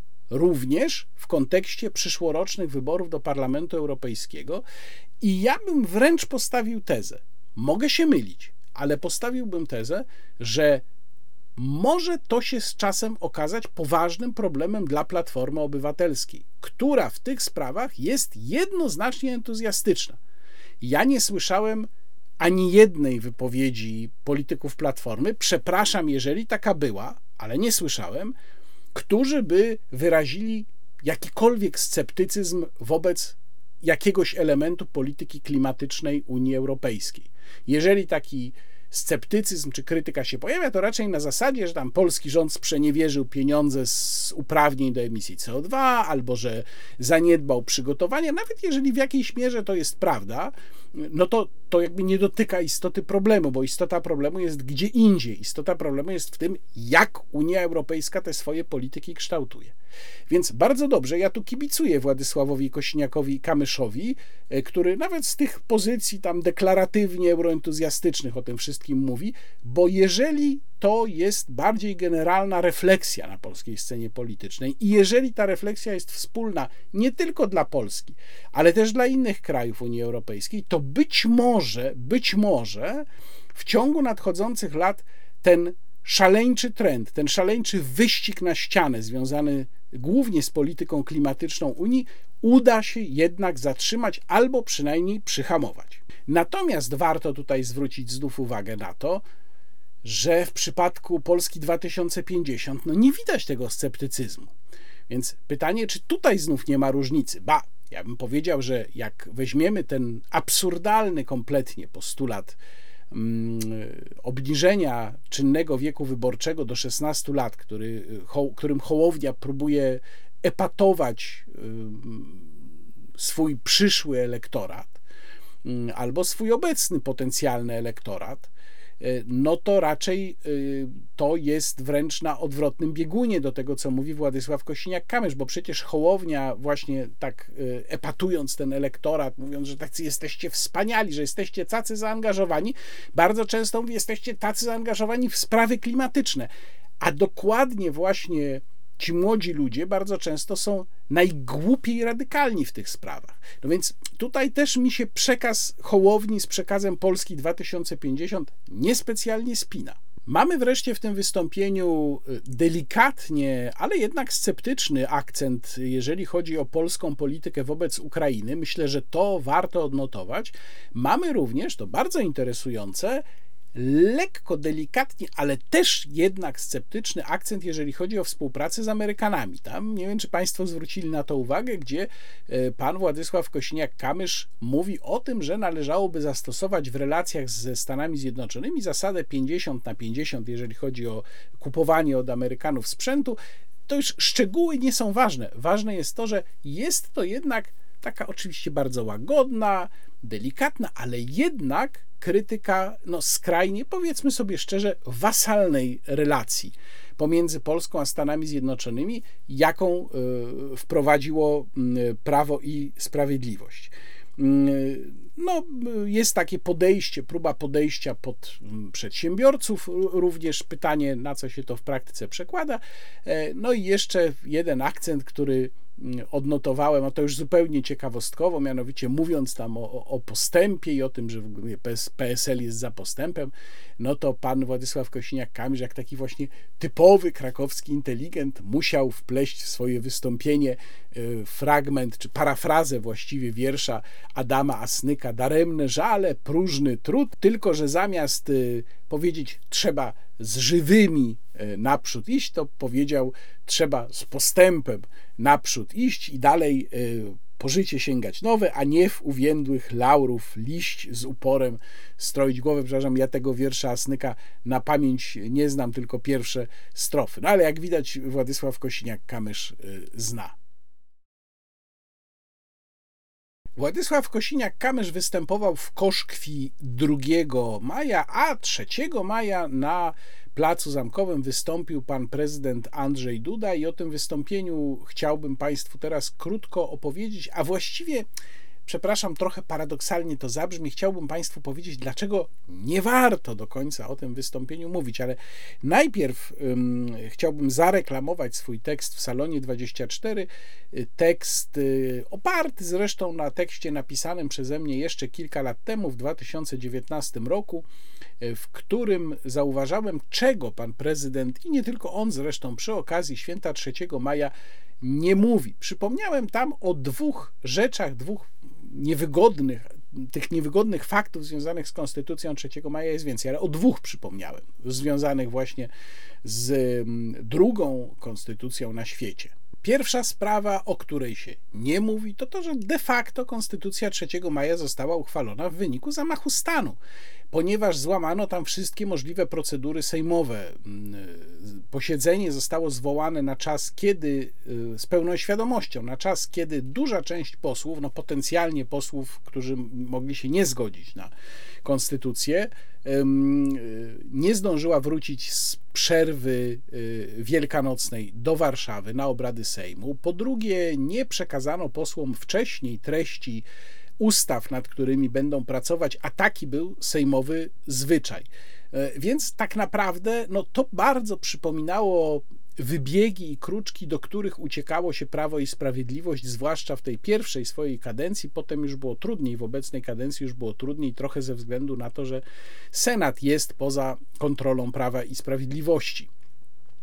E, druga rzecz, o której się nie mówi, to kwestia wprowadzenia cenzusu majątkowego, który nie został co prawda wprowadzony w treści samej Konstytucji 3 maja, czyli ustawy rządowej, ale został wprowadzony w prawie o sejmikach uchwalonym trochę wcześniej, które to prawo o sejmikach jest takim no, apendiksem do Konstytucji 3 maja, bo e, żeby wybierać posłów, no to najpierw e, trzeba było odbyć te sejmiki regionalne i tam na tych sejmikach regionalnych szlachta nie posesjonowała pasjonaci została pozbawiona prawa głosu. Y, I tutaj w ogóle moglibyśmy wejść w dyskusję o mm, wprowadzeniu, o przywróceniu jakiejś formy cenzusu. Oczywiście byłaby to dyskusja czysto intelektualna, taka właściwie zabawa intelektualna, bo z punktu widzenia obecnej konstytucji, a także z punktu widzenia tego, jak wyglądają zachodnie demokracje, no właściwie jest to niemożliwe. To jest tylko pewna, jak mówię, intelektualna rozrywka, choć ja bym tutaj widział duże pole do mm, dyskusji. Natomiast y, można dyskutować o tym, kto powinien mieć choćby czynne prawo wyborcze, na jakich warunkach, od jakiego wieku po prostu. Nie mówię tutaj o cenzusie. Tutaj wracam do tego tematu, który mm, wynika z postulatu, propozycji czy zapowiedzi Szymona Hołowni, ale temu pewnie poświęcę któryś z odcinków Konstytucji Wolności, bo to jest właśnie temat ciekawy, ale bardziej teoretyczny. No w każdym razie nie mówi się o tym, że za pozbawieniem tej części szlachty prawa do głosu stało bardzo zresztą sensowne rozumowanie ojców polskiej konstytucji, że jeżeli ktoś nic nie posiada lub posiada bardzo mało, to jest najłatwiej go przekupić. A to jest przecież dokładnie to, co dzisiaj robią w demokracji politycy. Co prawda, no nie jest to przekupywanie przez obce siły, tylko przez siły nasze, rodzime, wewnętrzne, ale jest to przekupywanie i Prawo i Sprawiedliwość dokładnie to uprawia i to w taki już skrajnie ordynarny sposób, na przykład rozdając tym czwartoklasistom y, komputery. Więc myślę, że nie bez powodu o tym prawie o sejmikach też się nie mówi, więc pan prezydent sobie tam wybiera e, tematy. Oczywiście wiadomo, wystąpienie prezydenta 3 maja czy 11 listopada też to nie jest wykład historyczny, Natomiast rozkładanie akcentów, to o czym się wspomina, a o czym się z kolei nie wspomina, to również jest znaczące. I dlatego ja właśnie na to mm, zwracam uwagę. Jeszcze dwa słowa, zanim y, przedstawię Państwu skrót z tego wystąpienia pana prezydenta. Naprawdę skrót bardzo, bardzo, bardzo krótki w porównaniu do tego, ile ono y, trwało. Ja śledziłem wystąpienia pana prezydenta Andrzeja Dudy od jego zwycięstwa w pierwszych y, wygranych przez niego wyborach prezydenckich w 2015 roku i rzeczywiście one w pierwszych latach były bardzo ciekawe i były inspirujące.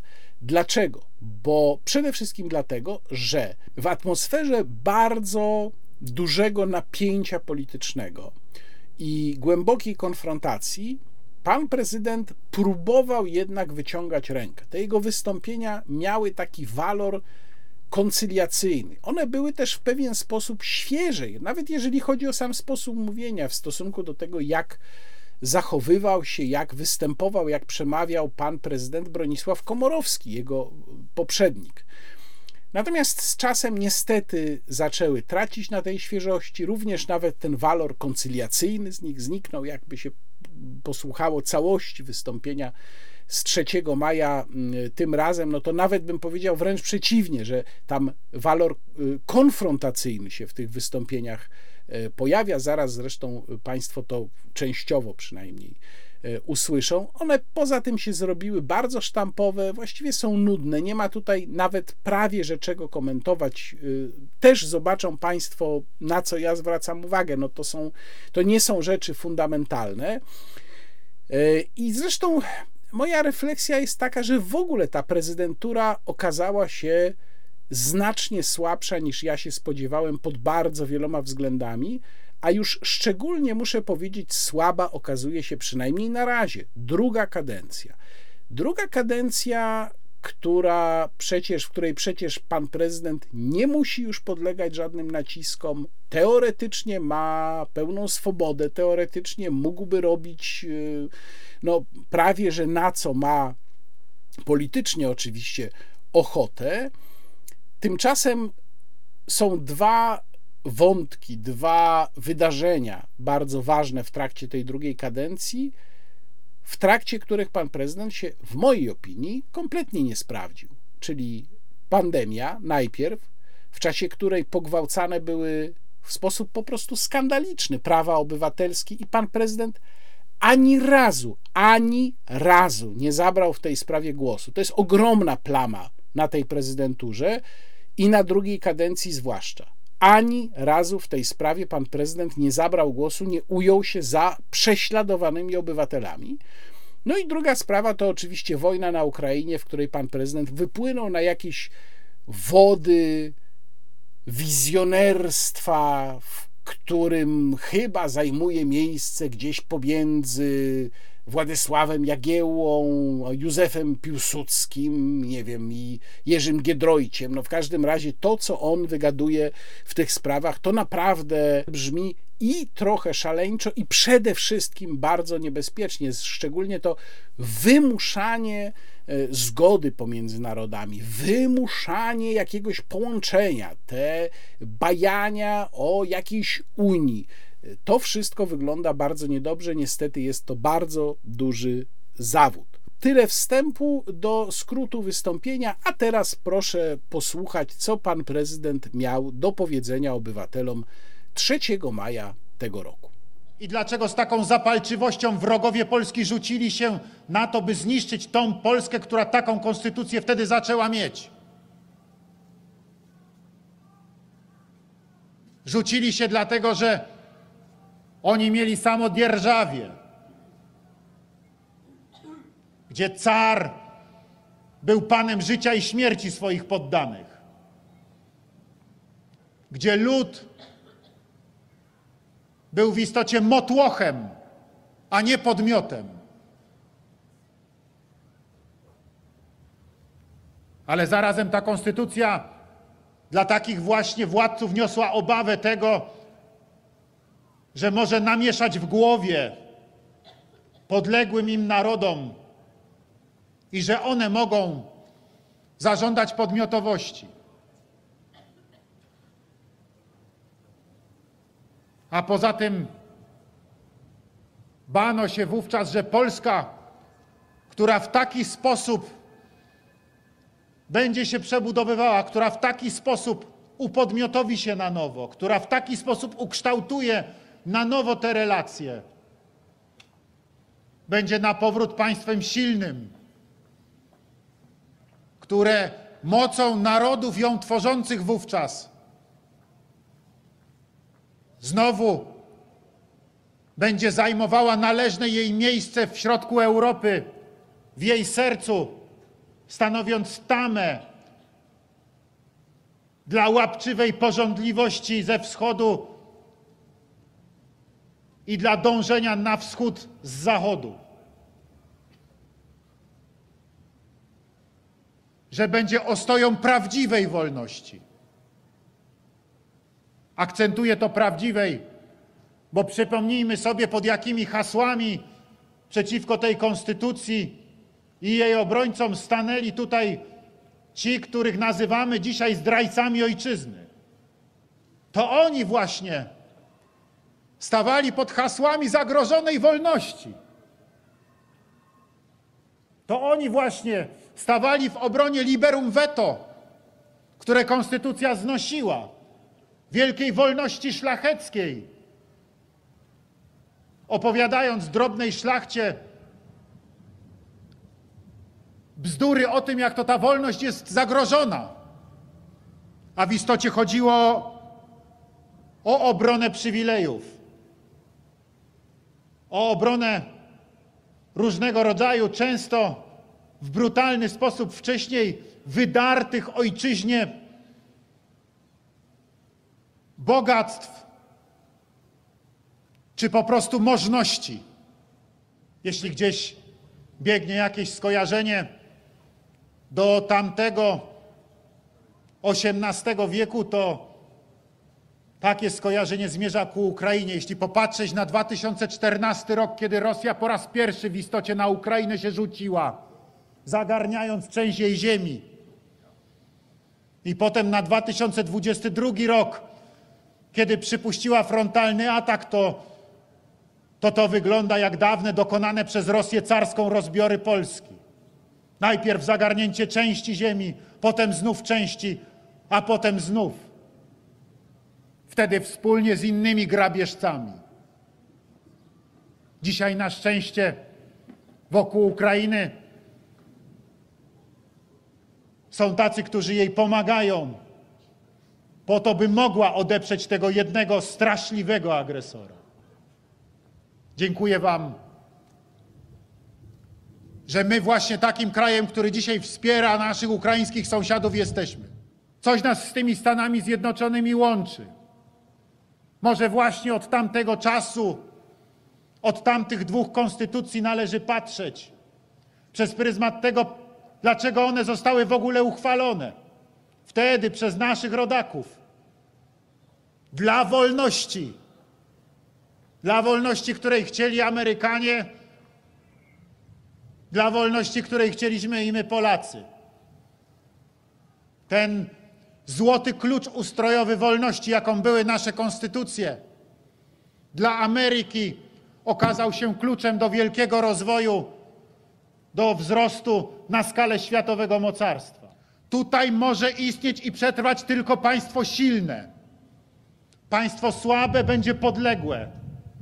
Historia jednoznacznie to pokazuje. Więc albo kolejne pokolenia i kolejni politycy przychodzący Rzeczypospolitej będą budowali Rzeczpospolitą silną, niepodległą, rzeczywiście suwerenną, Albo nie będzie to w istocie nasza Polska. Albo będzie to Polska, gdzie są inni panowie.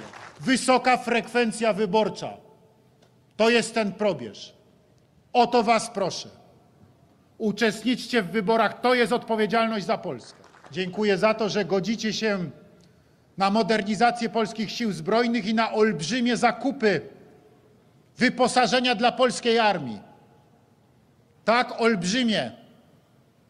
Tak, ja też sobie oczywiście zdaję sprawę z tego, że te pieniądze można byłoby przeznaczyć na inny cel.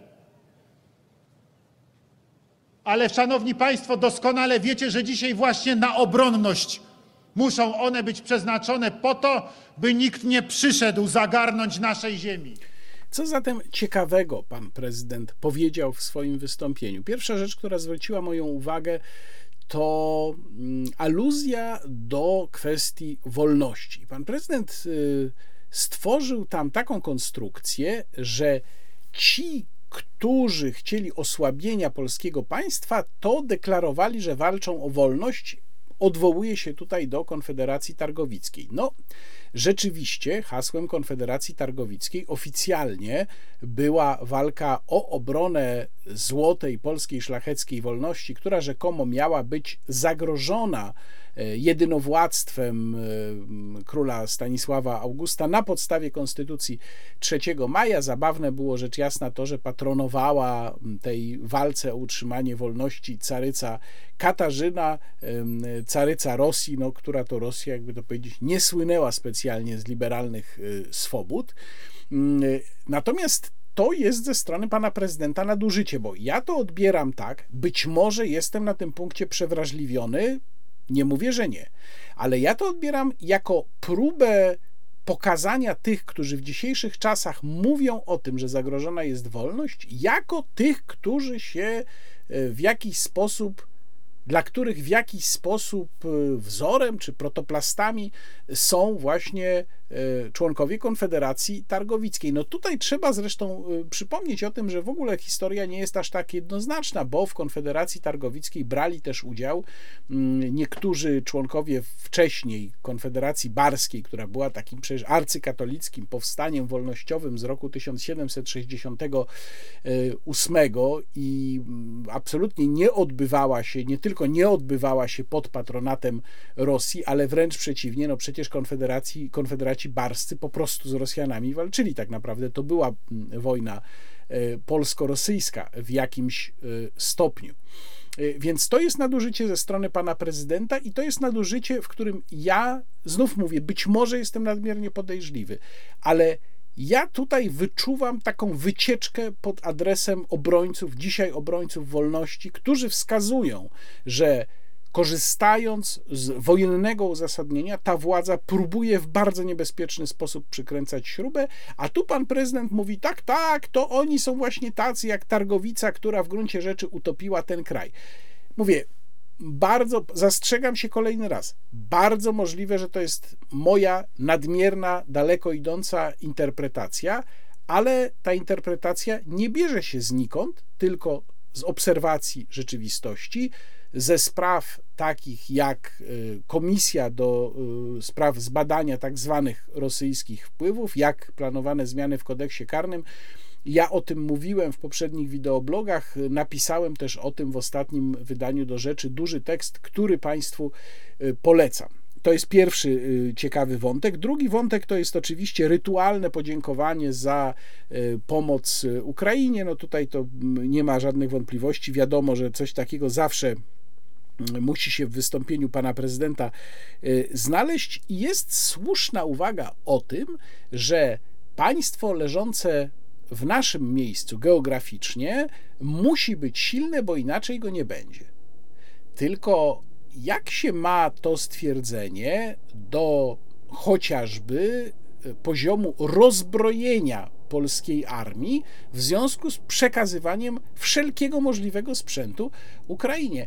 O czym przecież zresztą zupełnie szczerze mówił mniej więcej Mm, rok temu pan prezydent na odprawie kierownictwa Ministerstwa Obrony Narodowej. Taki głośny fragment jego wystąpienia proszę zobaczyć. Postawiło to przed ministrem obrony narodowej realne zadanie uzupełnienia stanów uzbrojenia. No cóż, proszę Państwa, takie są fakty. Przekazaliśmy, krótko mówiąc, ze swojego. Nie przekazaliśmy z magazynów, nie przekazaliśmy od kogoś innego. Przekazaliśmy to, co mieliśmy, przekazaliśmy to, co mieliśmy, przekazaliśmy to, co mieliśmy, uważając, że jest to potrzebne. Przekazaliśmy to, co mamy, uważając, że dzisiaj to nie kto inny, ale właśnie żołnierze ukraińscy, ale właśnie ochotnicy na Ukrainie z bronią w ręku bronią Europy, a więc bronią także nas. Dlatego podjęliśmy te, co tu kryć, bardzo trudne decyzje. To przecież są nie tylko kwestie naszego uzbrojenia, to także olbrzymie wydatki ze strony naszego państwa i olbrzymie poświęcenie. To, jak szacujemy, co najmniej miliard siedemset milionów dolarów w postaci samej tylko pomocy militarnej. Wreszcie jest to bardzo problematyczne stwierdzenie, wziąwszy pod uwagę, jak bardzo osłabiliśmy się finansowo pomagając Ukrainie. Ja tu przypomnę, że pani minister Magdalena Rzeczkowska w czasie wizyty z panem premierem Mateuszem Morawieckim w Stanach Zjednoczonych podała oficjalną sumę 50 miliardów złotych wydanych przez nas w ciągu mniej więcej roku na pomoc Ukrainie, ale to z całą pewnością jest pomoc niedoszacowana mm, ta pomoc nie tylko wykracza poza te 50 miliardów, bo na przykład powinniśmy doliczyć sprzęt wojskowy, który mogliśmy sprzedać, a zamiast sprzedać przekazywaliśmy Ukrainie, straty różnych polskich firm wynikające z liberalizacji handlu z Ukrainą, straty polskich rolników, wkład polskich obywateli, ale to są też historie takie jak e, sprawa, o której jeden z moich widzów mi mm, doniósł jakieś no, kilka już tygodni temu. Sprawa dotyczy jednej z no powiedzmy dużych i rozgałęzionych instytucji rządowych, której oddziały dostały ze swojej centrali pismo i ja to pismo w swoim archiwum mam, w którym to piśmie był nakaz, e, mało tego był rozdzielnik mówiący o tym, ile dronów obserwacyjnych dla ukraińskiej armii ma kupić który, powiedzmy, oddział tej instytucji. E, no i powstaje pytanie, ile innych polskich instytucji czy spółek Skarbu Państwa zostało zmuszonych do tego, żeby wydać de facto publiczne pieniądze i obciążyć nas wszystkich kosztami tego typu akcji a my się tego nie dowiemy, bo przecież perfidia takiej metody polega na tym, że nie ma jakiegoś centralnego miejsca, gdzie można by o to zapytać, bo to się wszystko działo na zasadzie prawie że nieoficjalnej. No tutaj jest pismo akurat, ale nie ma jakiegoś jednego ministerstwa gdzie można by skierować pytanie, a ile takich nacisków, ile takich poleceń służbowych zostało skierowanych w różne miejsca i jaki był tego koszt. A myślę, że koszt tutaj szedł no, co najmniej w setki milionów złotych, jeżeli też nie w miliardy. Więc jak to wszystko, jak te wszystkie czynniki niewątpliwie osłabiające polskie państwo mają się do tego, co mówi pan prezydent, no to ja odpowiem, nie mają się nijak. No i wreszcie ostatnia sprawa, no to już takie trochę dziwne te apele pana prezydenta o to, żeby iść głosować. Ja przypominam i będę o tym na pewno mówił jeszcze przed wyborami, bliżej wyborów, że prawem obywatela jest prawo do niegłosowania. Jeśli obywatel uważa, że nie ma partii, która spełniałaby jego wymagania, jeżeli nie chce przykładać ręki do tego, co się będzie później w Polsce działo, to jest to jego prawo, żeby wyrazić to swoje dezinteresement, czy też brak satysfakcji z przedstawianych propozycji właśnie poprzez niepójście do głosowania. Co więcej, ja muszę szczerze powiedzieć, że wolę, jeśli idioci, i tu używam, uwaga, tego słowa w znaczeniu, w jakim było ono używane w antycznej Grecji, zaznaczam, żeby nikt się nie obraził, a więc wolę, jeżeli idioci nie idą głosować, niż jeżeli mieliby pójść głosować i głosowaliby na kogokolwiek bądź bez żadnego zastanowienia i bez żadnej refleksji. Więc po co te apele pana prezydenta? No ja sobie umiem to wytłumaczyć tylko w jeden sposób. To jest y, obawa przed tym, że jakaś część elektoratu Prawa i Sprawiedliwości może nie chcieć pójść głosować. Pewnie nie zagłosują na kogoś innego, ale mogą też nie zagłosować w ogóle. Odchodzimy teraz od y, tematów ściśle wyborczych, ale pozostajemy przy polityce, bo przecież polityką jest wszystko. Urządzanie naszych miast także jest polityką. I tutaj z dużą przyjemnością zapowiadam, że w najbliższą sobotę w warszawskim klubie Proxima o godzinie 11 odbędzie się kongres mobilności pod hasłem Napędzamy Warszawę.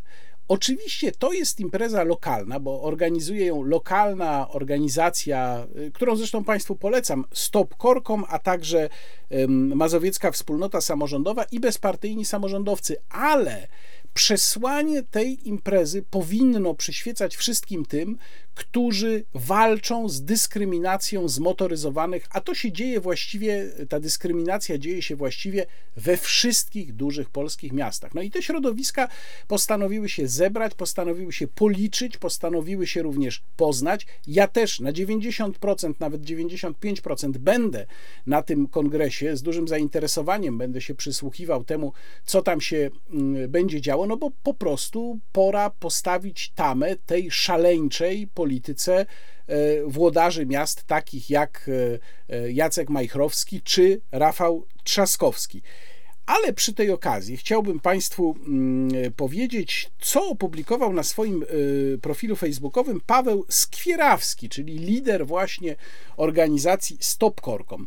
Otóż pan Paweł Skwierawski opublikował projekt uchwały, zaproponowany przez jednego, zaproponowanej przez jednego z warszawskich radnych, która to uchwała miała, e, no powiedzieć, sprawdzam e, warszawskiemu ratuszowi, czyli chodziło tam o to, żeby warszawski ratusz pozbył się swoich służbowych samochodów, bo przecież samochody to zło i przesiadł się na rowery. Tam nawet było wyliczenie, ile kosztowałby zakup rowerów dla wszystkich urzędników, w tym rowerów cargo, także riksz, no i ten projekt uchwały został merytorycznie oceniony przez panią Agnieszkę Kulmę z warszawskiego ratusza i został oceniony, proszę Państwa, jak Państwo myślą, negatywnie. I ja muszę Państwu przeczytać znów odwołując się do tego, co opublikował pan Skwierawski, więc to on jest źródłem tego, tych informacji, jego profil polecam, e, od, muszę Państwu przeczytać uzasadnienie tej negatywnej oceny.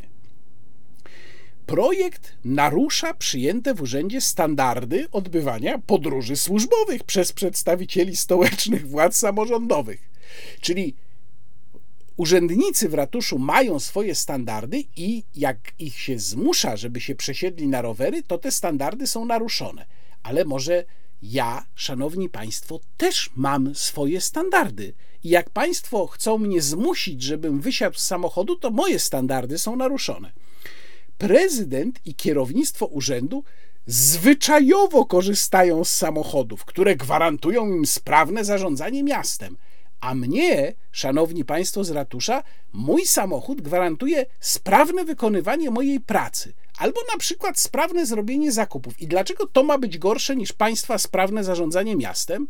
To chyba, że to zarządzanie miastem Chyba, że to zarządzanie miastem polega na tym, żeby odbierać jego mieszkańcom prawo do poruszania się samochodem, i w tym właśnie celu włodarze Warszawy muszą jeździć samochodami, żeby jeszcze sprawniej odbierać mieszkańcom prawo poruszania się samochodem.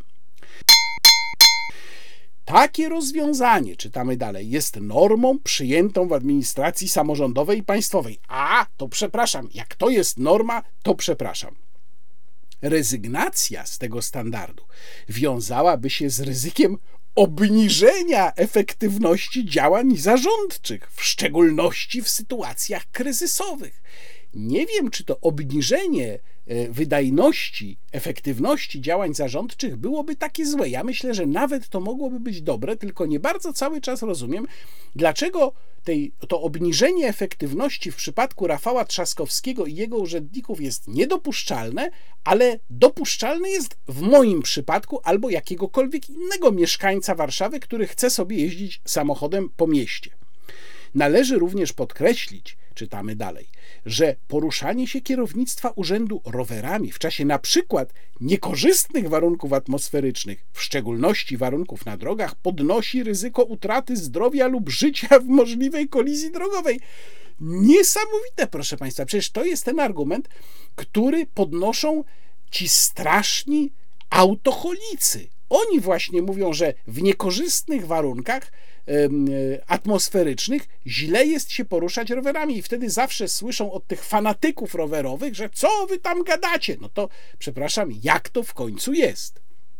Korzystanie z samochodu, czytamy dalej, posiadającego liczne atesty i certyfikaty bezpieczeństwa jest w tym kontekście rozwiązaniem znacznie korzystniejszym.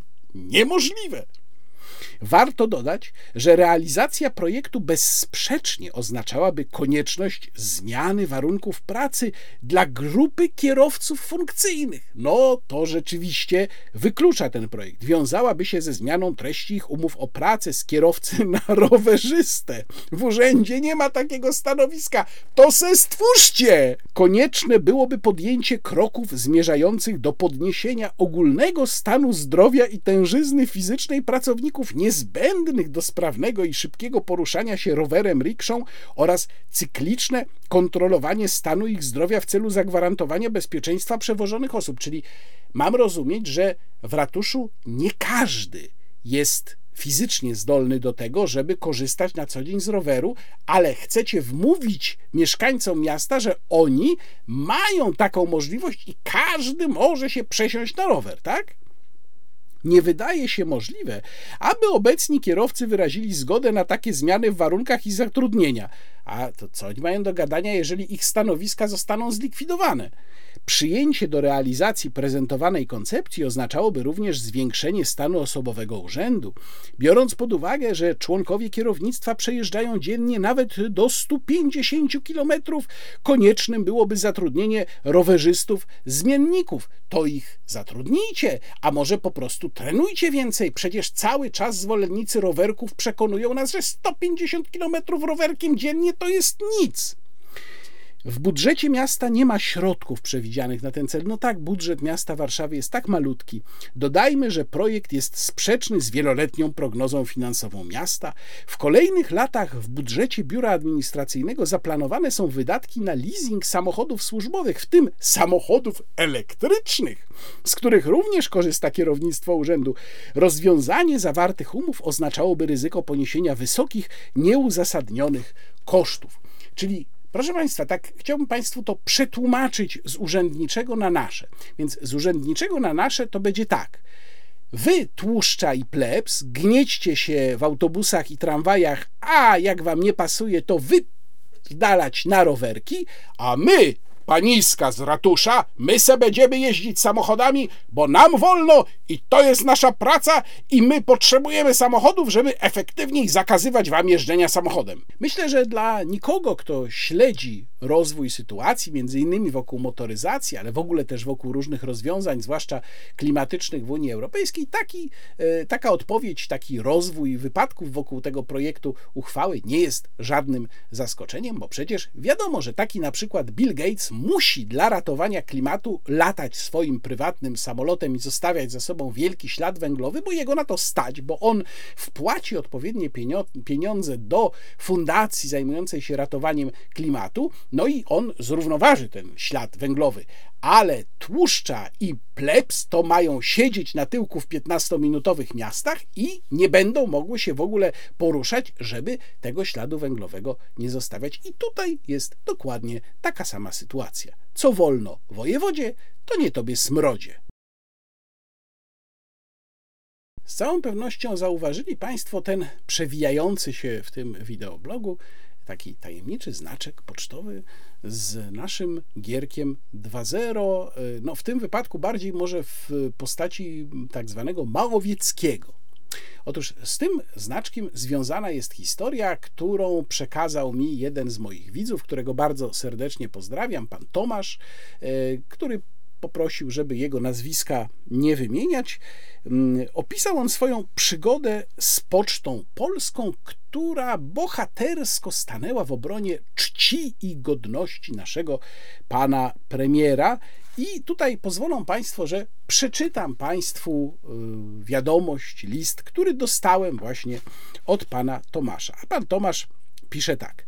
Na platformie Envelo Ci z Państwa, którzy korzystają z tej platformy do elektronicznego wysyłania listów lub kupowania znaczków, to wiedzą Państwo o czym mówię. Można zakupić znaczek w dowolnie wybranej lub swojej własnej grafice, wydrukować i nakleić na list. I tak od niemal dwóch lat robiłem, umieszczając różne grafiki, a od ponad roku tylko tę umieszczoną na liście, którego skan przesyłam w załączeniu. To jest właśnie ta, którą Państwo widzieli i widzą. Tak jak już napisałem, od ponad roku z powodzeniem oraz uśmiechem na ustach pań przyjmujących listy oraz żadnych, ale to żadnych uwag od otrzymujących listy stosuję ten znaczek o hipotetycznym nominale jednej miski ryżu i głową premiera Morawieckiego i moim podpisem artystycznym Maowiecki. Znaczek ten nawiązuje do dość popularnego w internecie fantazyjnego banknotu o tym samym nominale. Ale wszystko, co dobre, szybko się kończy. Jak zawsze wysłałem list do adresata i jakiś pracownik warszawskiej poczty dopatrzył się na przedmiotowym znaczku treści obraźliwych.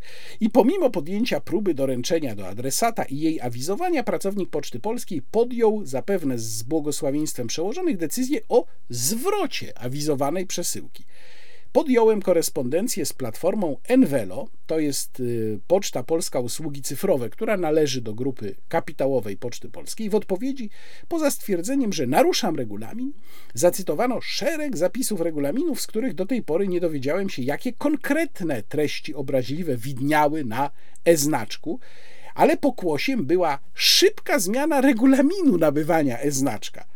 Ponownie wysłałem przesyłkę do adresata, tym razem listem poleconym priorytetowym. Warszawska placówka ponownie podjęła decyzję o zwrocie na podstawie tego samego powodu, tym razem bez próby doręczenia do adresata. W następstwie czego Centrala Poczty za pośrednictwem intranetu w dniach 24-27 kwietnia przesłała do wszystkich placówek pocztowych zarządzenie, komunikat o wstrzymaniu przyjmowania listów z naklejonym e-znaczkiem, a już przyjęte należy skasować, czyli ostemplować jako wykorzystane i zwrócić do adresata oraz obciążyć go kosztem zwrotu przesyłki do czasu podjęcia przez grupę kapitałową Poczty Polskiej interpretacji prawnej dotyczącej tegoż e-znaczka. Równolegle do korespondencji z Envelo przesłałem również zapytanie do kancelarii pana premiera Morawieckiego o przedmiotową grafikę i to podejrzewam było katalizatorem rozpętania całej afery z moim zakazanym znaczkiem.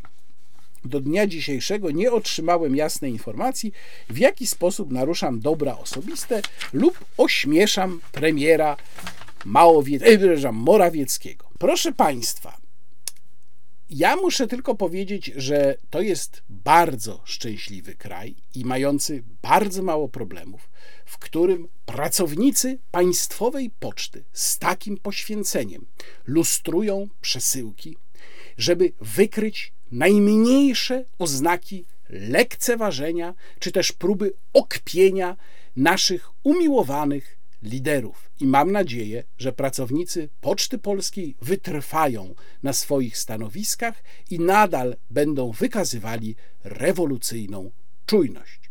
Z leninowskim pozdrowieniem. Teraz już dział kulturalny, w którym zgodnie z obietnicą przypominam, 20 maja w Krakowie w Bazylice Ojców Jezuitów Kopernika 26 koncert prolog festiwalu Muzyka Divina, czyli koncert, podczas którego zostanie zaprezentowany program z najnowszej płyty wydanej przez Fundację Incanto Liberator Hominis w wykonaniu Scola Minorum Cantorum Hozowienzis. Bardzo serdecznie zapraszam Państwa na ten koncert. Ja niestety nie będę mógł na nim być, ale Państwo, moi widzowie, będą e, mogli otrzymać pięć wejściówek na ten koncert i to otrzymać właśnie za moim pośrednictwem. Wystarczy, że napiszą Państwo w komentarzu, oczywiście te pięć podwójnych wejściówek trafi do tych, którzy pierwsi napiszą w komentarzu pod tym filmem, że właśnie taką wejściówkę chcieliby dostać e, i odpowiedzą na jedno proste pytanie: jakiego wybitnego europejskiego kompozytora rocznica śmierci 500 przypadała dwa lata temu, w 2021 roku. Wtedy poświęcony był mu festiwal Muzyka Divina. E, proszę napisać, y, że są Państwo zainteresowani wejściówką i podać o jakiego kompozytora chodzi. Proszę to napisać w komentarzu. Ja wtedy ten komentarz przeczytam, odezwę się do Państwa i y, Państwa nazwisko znajdzie się na liście osób, które będą mogły wejść na koncert 20 maja o godzinie 20 w Bazylice Ojców Jezuitów w Krakowie. A teraz pierwsza część opowieści o moim majówkowym wyjeździe i różnych spostrzeżeń z tym związanych to był wyjazd na Litwę. Zresztą nie pierwszy raz, bo ja na Litwie byłem już y, wcześniej trzykrotnie. To był mój czwarty raz na Litwie. Celem było Kowno, potem Wilno.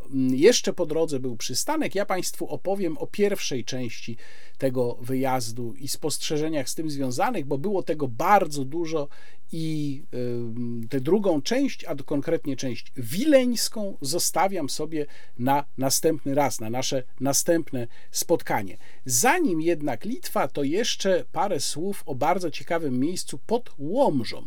Drozdowo, pod Łomżą.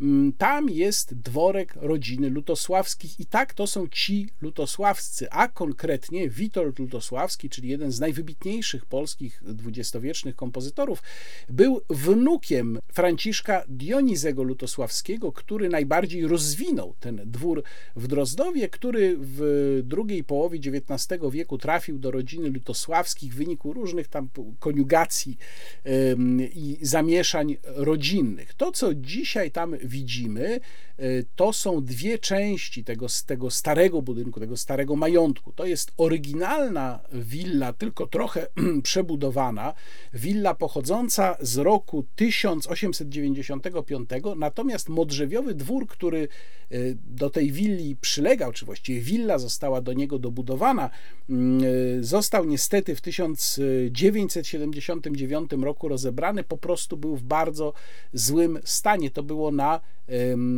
5 lat przed tym, zanim uruchomiono Muzeum Przyrodnicze, które głównie właśnie tam zajmuje miejsce w tym dworze, e, w tym kompleksie w tej chwili, bo kompleks jest rozbudowywany o nową część. Wokół jest e, bardzo ładny e, park.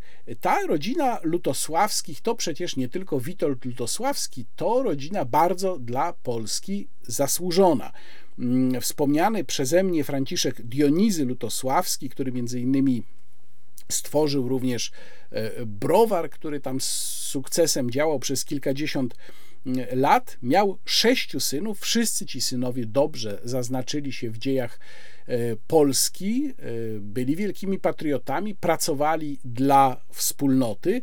Na przykład ksiądz Kazimierz Lutosławski dwukrotnie w II Rzeczpospolitej był, był posłem z ramienia Endecji, a co ciekawe, jest również pomysłodawcą krzyża harcerskiego. Tego krzyża harcerskiego, którego do tej pory się w Polsce mm, używa. Był również twórcą preambuły do Konstytucji Marcowej z 1921 roku. Natomiast jednym z najciekawszych i najważniejszych e, wątków z życia majątku Drozdowo było to, że w czerwcu 1938 roku trafił tam jako gość już mocno schorowany pod koniec swojego życia Roman Dmowski i spędził tam mm, ostatnie miesiące swojego życia, bo właśnie w Drozdowie 2 stycznia 1939 roku Roman Dmowski zmarł. W regionie mieści się m.in. Łomżyński Park Krajobrazowy, ale to nie jest jedyny park, e, który e, tam, e, który tam jest, jedyny park narodowy, bo są wokół i inne, więc Muzeum Przyrody ma pełne uzasadnienie. Ono nie jest może bardzo duże, ale jest ciekawe. Jest tam dużo eksponatów pokazujących, jaka zwierzyna, jaka fauna tam w okolicy mm, żyje, ale ja szczególnie upodobałem sobie dwie części tej ekspozycji. Pierwsza w odrębnym pawilonie to ekspozycja ziół, roślin, szczególnie tych charakterystycznych dla tej okolicy i naprawdę bardzo dużo można się z tej wystawy dowiedzieć. A druga w podziemiach willi e, majątku lutosławskich to naprawdę spora ekspozycja akwarystyczna. E, muszę powiedzieć, że byłem szczerze zaskoczony jej rozmiarem, to jest ekspozycja, no, taka, której nawet spore zoo by się nie powstydziło. A zatem, jeżeli będą Państwo przejeżdżać akurat w tamtych okolicach, to warto zajrzeć do majątku Drozdowo. A teraz już o Litwie. Pierwszym celem podróży było Kowno. Kowno to oczywiście dawna stolica Republiki Litewskiej, czyli y, tej Litwy, która funkcjonowała w międzywojniu i która z Polską miała bardzo złe relacje, to rzecz jasna było pokłosiem przede wszystkim tak zwanego buntu generała Żeligowskiego, czyli zajęcia Wileńszczyzny w roku 1920. No, wtedy oczywiście generał Żeligowski to przedstawiał tak, że to niby on się zbuntował, ale tak naprawdę wiadomo, że była to e, sytuacja czy akcja, która miała pełną aprobatę Józefa Piłsudskiego, wyodrębniono tak zwaną Litwę Środkową, no i potem ta Litwa Środkowa e, stała się bardzo szybko częścią Polski. Jeszcze wcześniej, w 1919 roku, było powstanie sejneńskie, e, o którym jak kiedyś, zdaje się Państwu, w jednym ze swoich wideoblogów mówiłem po wizycie w Sejnach. No więc to oczywiście nastawiało państwo litewskie do Polaków wrogo, ale to wszystko miało też znacznie głębsze podglebie niż tylko te mm, y, wydarzenia. Kowno leży u zbiegu Niemna i Wili. To jest miasto właściwie całkowicie litewskie. Chociaż ślady polskości tam są, ale jest ich bardzo, bardzo mało w zestawieniu z Wilnem. Jeżeli ich Państwo poszukają, to je Państwo znajdą. Na przykład w katedrze kowieńskiej znajdą Państwo, to bardzo zaskakująca rzecz, trzy obrazy, w tym między innymi nawrócenie Szawła, trzy obrazy autorstwa Michała Andriolego, czyli ilustratora, tego najbardziej znanego ilustratora, pana Tadeusza, takiego można powiedzieć kanonicznego ilustratora, autora ilustracji do naszego y, eposu y, narodowego. Ale tych śladów polskości jest bardzo mało, właściwie nie idzie się dogadać po polsku. To jest zupełnie pod tym względem inne miasto niż mm, Wilno.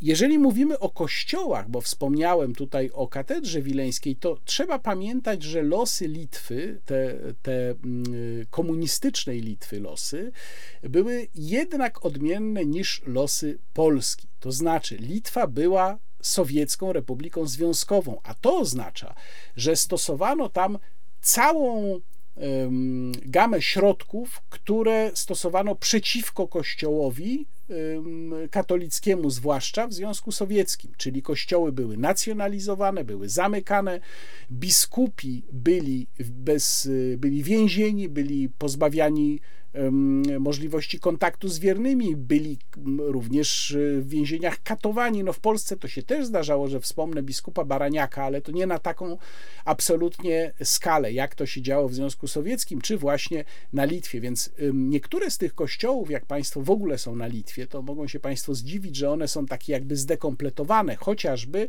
e, kościół Franciszkanów e, przy kurii kowieńskiej, tak pomiędzy budynkami kurii a zamkiem kowieńskim, a właściwie ruinami kowieńskiego zamku, bo to są takie no, częściowo odtworzone częściowo zakonserwowane ruiny. Ten kościół, bardzo zresztą piękny barokowy kościół, jest właśnie zdekompletowany mocno ze względu na to, że był w czasie komunizmu zamknięty. To zamykanie kościołów na Litwie odbywało się jeszcze nawet w latach 70. Nawet mam wrażenie, czytając informacje, że szczególnie dużo kościołów wtedy właśnie zamknięto. No i dopiero teraz część z nich jest w jakiś sposób odtwarzana. Jest, y, dopiero teraz pracują tam konserwatorzy, dopiero teraz przywracają im y, pełny y, splendor, choć część już jest w tym pełnym splendorze, już można się nim cieszyć. Zresztą ten zamek kowieński symbolizuje to, co w ogóle na Litwie uwrażliwiony na historię i na takie sprawy Polak będzie odczuwał, czyli trochę taką, powiedziałbym, litewską gigantomanię. Takie przekonanie, że to Litwa tak naprawdę była potęgą, a korona to się do niej jakoś tam przykleiła, a wszystko się tak naprawdę kręciło wokół Litwy. To wyczuwa się zwłaszcza właśnie w tych miejscach, które mają kreować politykę y, historyczną y, litewską. Napisałem zresztą na ten temat większy tekst, który ukazuje się właśnie w Rzeczpospolitej, y, kiedy już będzie opublikowany, będzie w sieci, to oczywiście link w opisie filmu, jak zwykle. Najciekawszym miejscem, które zobaczyłem w Kownie, było muzeum w dawnym pałacu prezydenckim. Ten dawny pałac prezydencki, y, znaczy właściwie taki duży dwór, pałacyk miejski, był wcześniej siedzibą gubernatorów guberni kowieńskiej za czasów caratu. Nie wszystkich zresztą wspominanych źle, niektórzy byli wspominani dobrze. I to jest bardzo interesująca ekspozycja, bo ona pokazuje przede wszystkim ten moment historii Litwy, o którym mam wrażenie, my w Polsce bardzo niewiele wiemy. Czyli właśnie ten moment międzywojenny. Litwini wahali się na początku, czy nie restaurować monarchii, jeżeli w ogóle o restauracji monarchii można tutaj mówić. Ostatecznie się na to nie zdecydowali i mieli w okresie międzywojennym trzech prezydentów. E, no właściwie można powiedzieć 3,5, bo najpierw przez krótki czas Antanas Smetona, to były lata 1919-20, sam początek państwa litewskiego, tego kowieńskiego, Litwy kowieńskiej. Potem e, w latach 22-26 Aleksandras Stulginskis, Potem zaledwie kilka miesięcy Kazys Grinius w roku 1926 i Kazys Grinius odszedł ze stanowiska w grudniu 26 roku w wyniku zamachu stanu. No, taki zbieg okoliczności, że zamach stanu najpierw miał miejsce w Polsce, a potem miał miejsce na Litwie i miał bardzo podobną autorytarną naturę. Kazys Grinius zachował się podobnie zresztą jak prezydent y, Wojciechowski w Polsce, to znaczy zrezygnował ze stanowiska, potem zrezygnował właściwie całkowicie z udziału w życiu politycznym i w 26 roku zastąpił go ponownie na tym stanowisku Antanas Smetona, który już do 1940 roku, czyli do końca sprawował rządy w zasadzie autorytarne, bo wtedy zmieniono litewską konstytucję w taki sposób, że prezydent mógł dowolnie w gruncie rzeczy rozwiązywać Sejm, rozwiązywać rząd i rządzić wtedy dekretami. No różnica była taka, że u nas ta najważniejsza osoba y, nie pełniła funkcji prezydenta. Mówię tu oczywiście o Józefie mm, Piłsudskim. Myślę, że dużo też wyjaśnia taki system rządów na Litwie, jeżeli chodzi o relacje polsko-litewskie. Antanas Smetona zginął zresztą na emigracji w 1944 roku w swoim domu w Cleveland. W muzeum można znaleźć różne ciekawostki i niuanse. No na przykład moją uwagę zwróciło to, że kiedy w czasie I wojny światowej Niemcy okupowali Litwę, to byli zszokowani poziomem higieny na Litwie i apelowali do Litwinów, żeby budowali sławojki, a przynajmniej, żeby wykopywali takie doły, gdzie można by się załatwiać, gdzieś przy domach. No to można sobie wyobrazić, jak ten stan higieny wyglądał, jeżeli takie apele Niemców były um, potrzebne. Natomiast bardzo znamienny też w kontekście innych wątków, o których w następnym wideoblogu Państwu powiem, jest bardzo znamienna jest opowieść w tym muzeum o czasie okupacji niemieckiej Litwy w latach 41-44, czyli takim, no, można powiedzieć, najtrudniejszym czasie z punktu widzenia wzajemnych relacji, y, opisywanym bardzo ciekawie w powieści Nie trzeba głośno mówić przez Józefa Mackiewicza. Więcej o tym jeszcze będę mówił, opowiadając o atrakcjach wileńskich. Natomiast w tym kowieńskim muzeum ten czas jest opisany z takim pewnym żalem. To znaczy, że Niemcy obiecywali autonomię, obiecywali, że e, Litwini będą traktowani po partnersku. Ja oczywiście trochę tu przesadzam, bo takie słowa się tam nie pojawiają, ale słowa autonomii, z tego co pamiętam, już tak. No i to się nie spełniło. Litwini zaczęli być traktowani jako tania siła robocza, nawet byli nazywani aborygenami. Taki, tak, takie tam, taka pretensja się też pojawia dosłownie w tym, w tym opisie wystawy muzealnej. No to jednak pokazuje, jak zasadniczo odmienne było traktowanie przez Niemców, Litwinów i Polaków yy, i jak inny, kompletnie inną naturę miała ta okupacja Litwy i okupacja Polski. Natomiast yy, próżno szukać tam jakichś zmian na temat litewskiej kolaboracji z Niemcami, na temat współuczestnictwa na przykład litewskiej policji w zbrodniach, również e, na Polakach, no tego tam akurat w tamtym muzeum w ogóle mm, e, nie mm, opisano. W drodze z Kowna do Wilna warto na pewno zahaczyć o Pożajście. To jest największy były kompleks klasztorny na Litwie.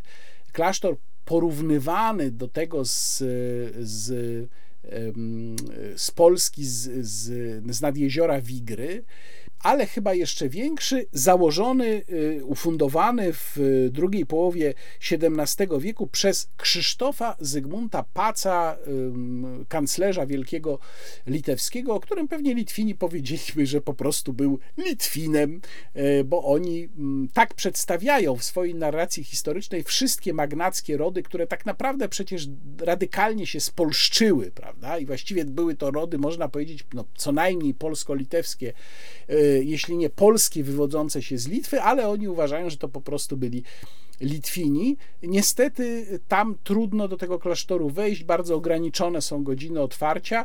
Y, klasztor leży nad malowniczym zalewem zwanym Morzem Kowieńskim. Jest to tak naprawdę sztuczny zalew na Niemnie, stworzony w latach 50. na użytek elektrowni mm, wodnej. Y, I dalej jeszcze, niezbyt daleko od właśnie Pożajścia, są Rumszyszki. To jest y, ogromny skansen pokazujący wieś litewską. Warto tam pojechać, ale proszę sobie zarezerwować dobrych kilka godzin. Nawet podstawowa trasa, którą się po tym skansenie chodzi, to jest 6 y, y, kilometrów, co najmniej 6 kilometrów. Skansen pokazuje, jak wyglądały zabudowania gospodarstwa w pięciu regionach etnograficznych Litwy, czyli to jest e, Augsztota, Dzukija, e, Litwa Mniejsza, e, Suwalszczyzna i Żmudź. Ja bardzo uważnie się temu przyglądałem, bo interesują mnie różnice etnograficzne pomiędzy Polską a Litwą i zauważyłem, że przynajmniej na Żmudzi i Wałksztocie zabudowania były zdecydowanie bardziej rozstrzelone, były bardziej przestrzenne niż w Polsce. To chyba wynikało z tego, że być może było tam po prostu więcej miejsca. W każdym razie budynki w obejściach, nawet tych mało zamożnych, stały w dużych od siebie e, odległościach. No jeżeli gospodarze byli bogaci, to e, naprawdę mieli bogate i naprawdę mieli duże domy, no już takie przypominające wręcz trochę dworki, mimo że tak naprawdę były to mm, chłopskie e, chałupy.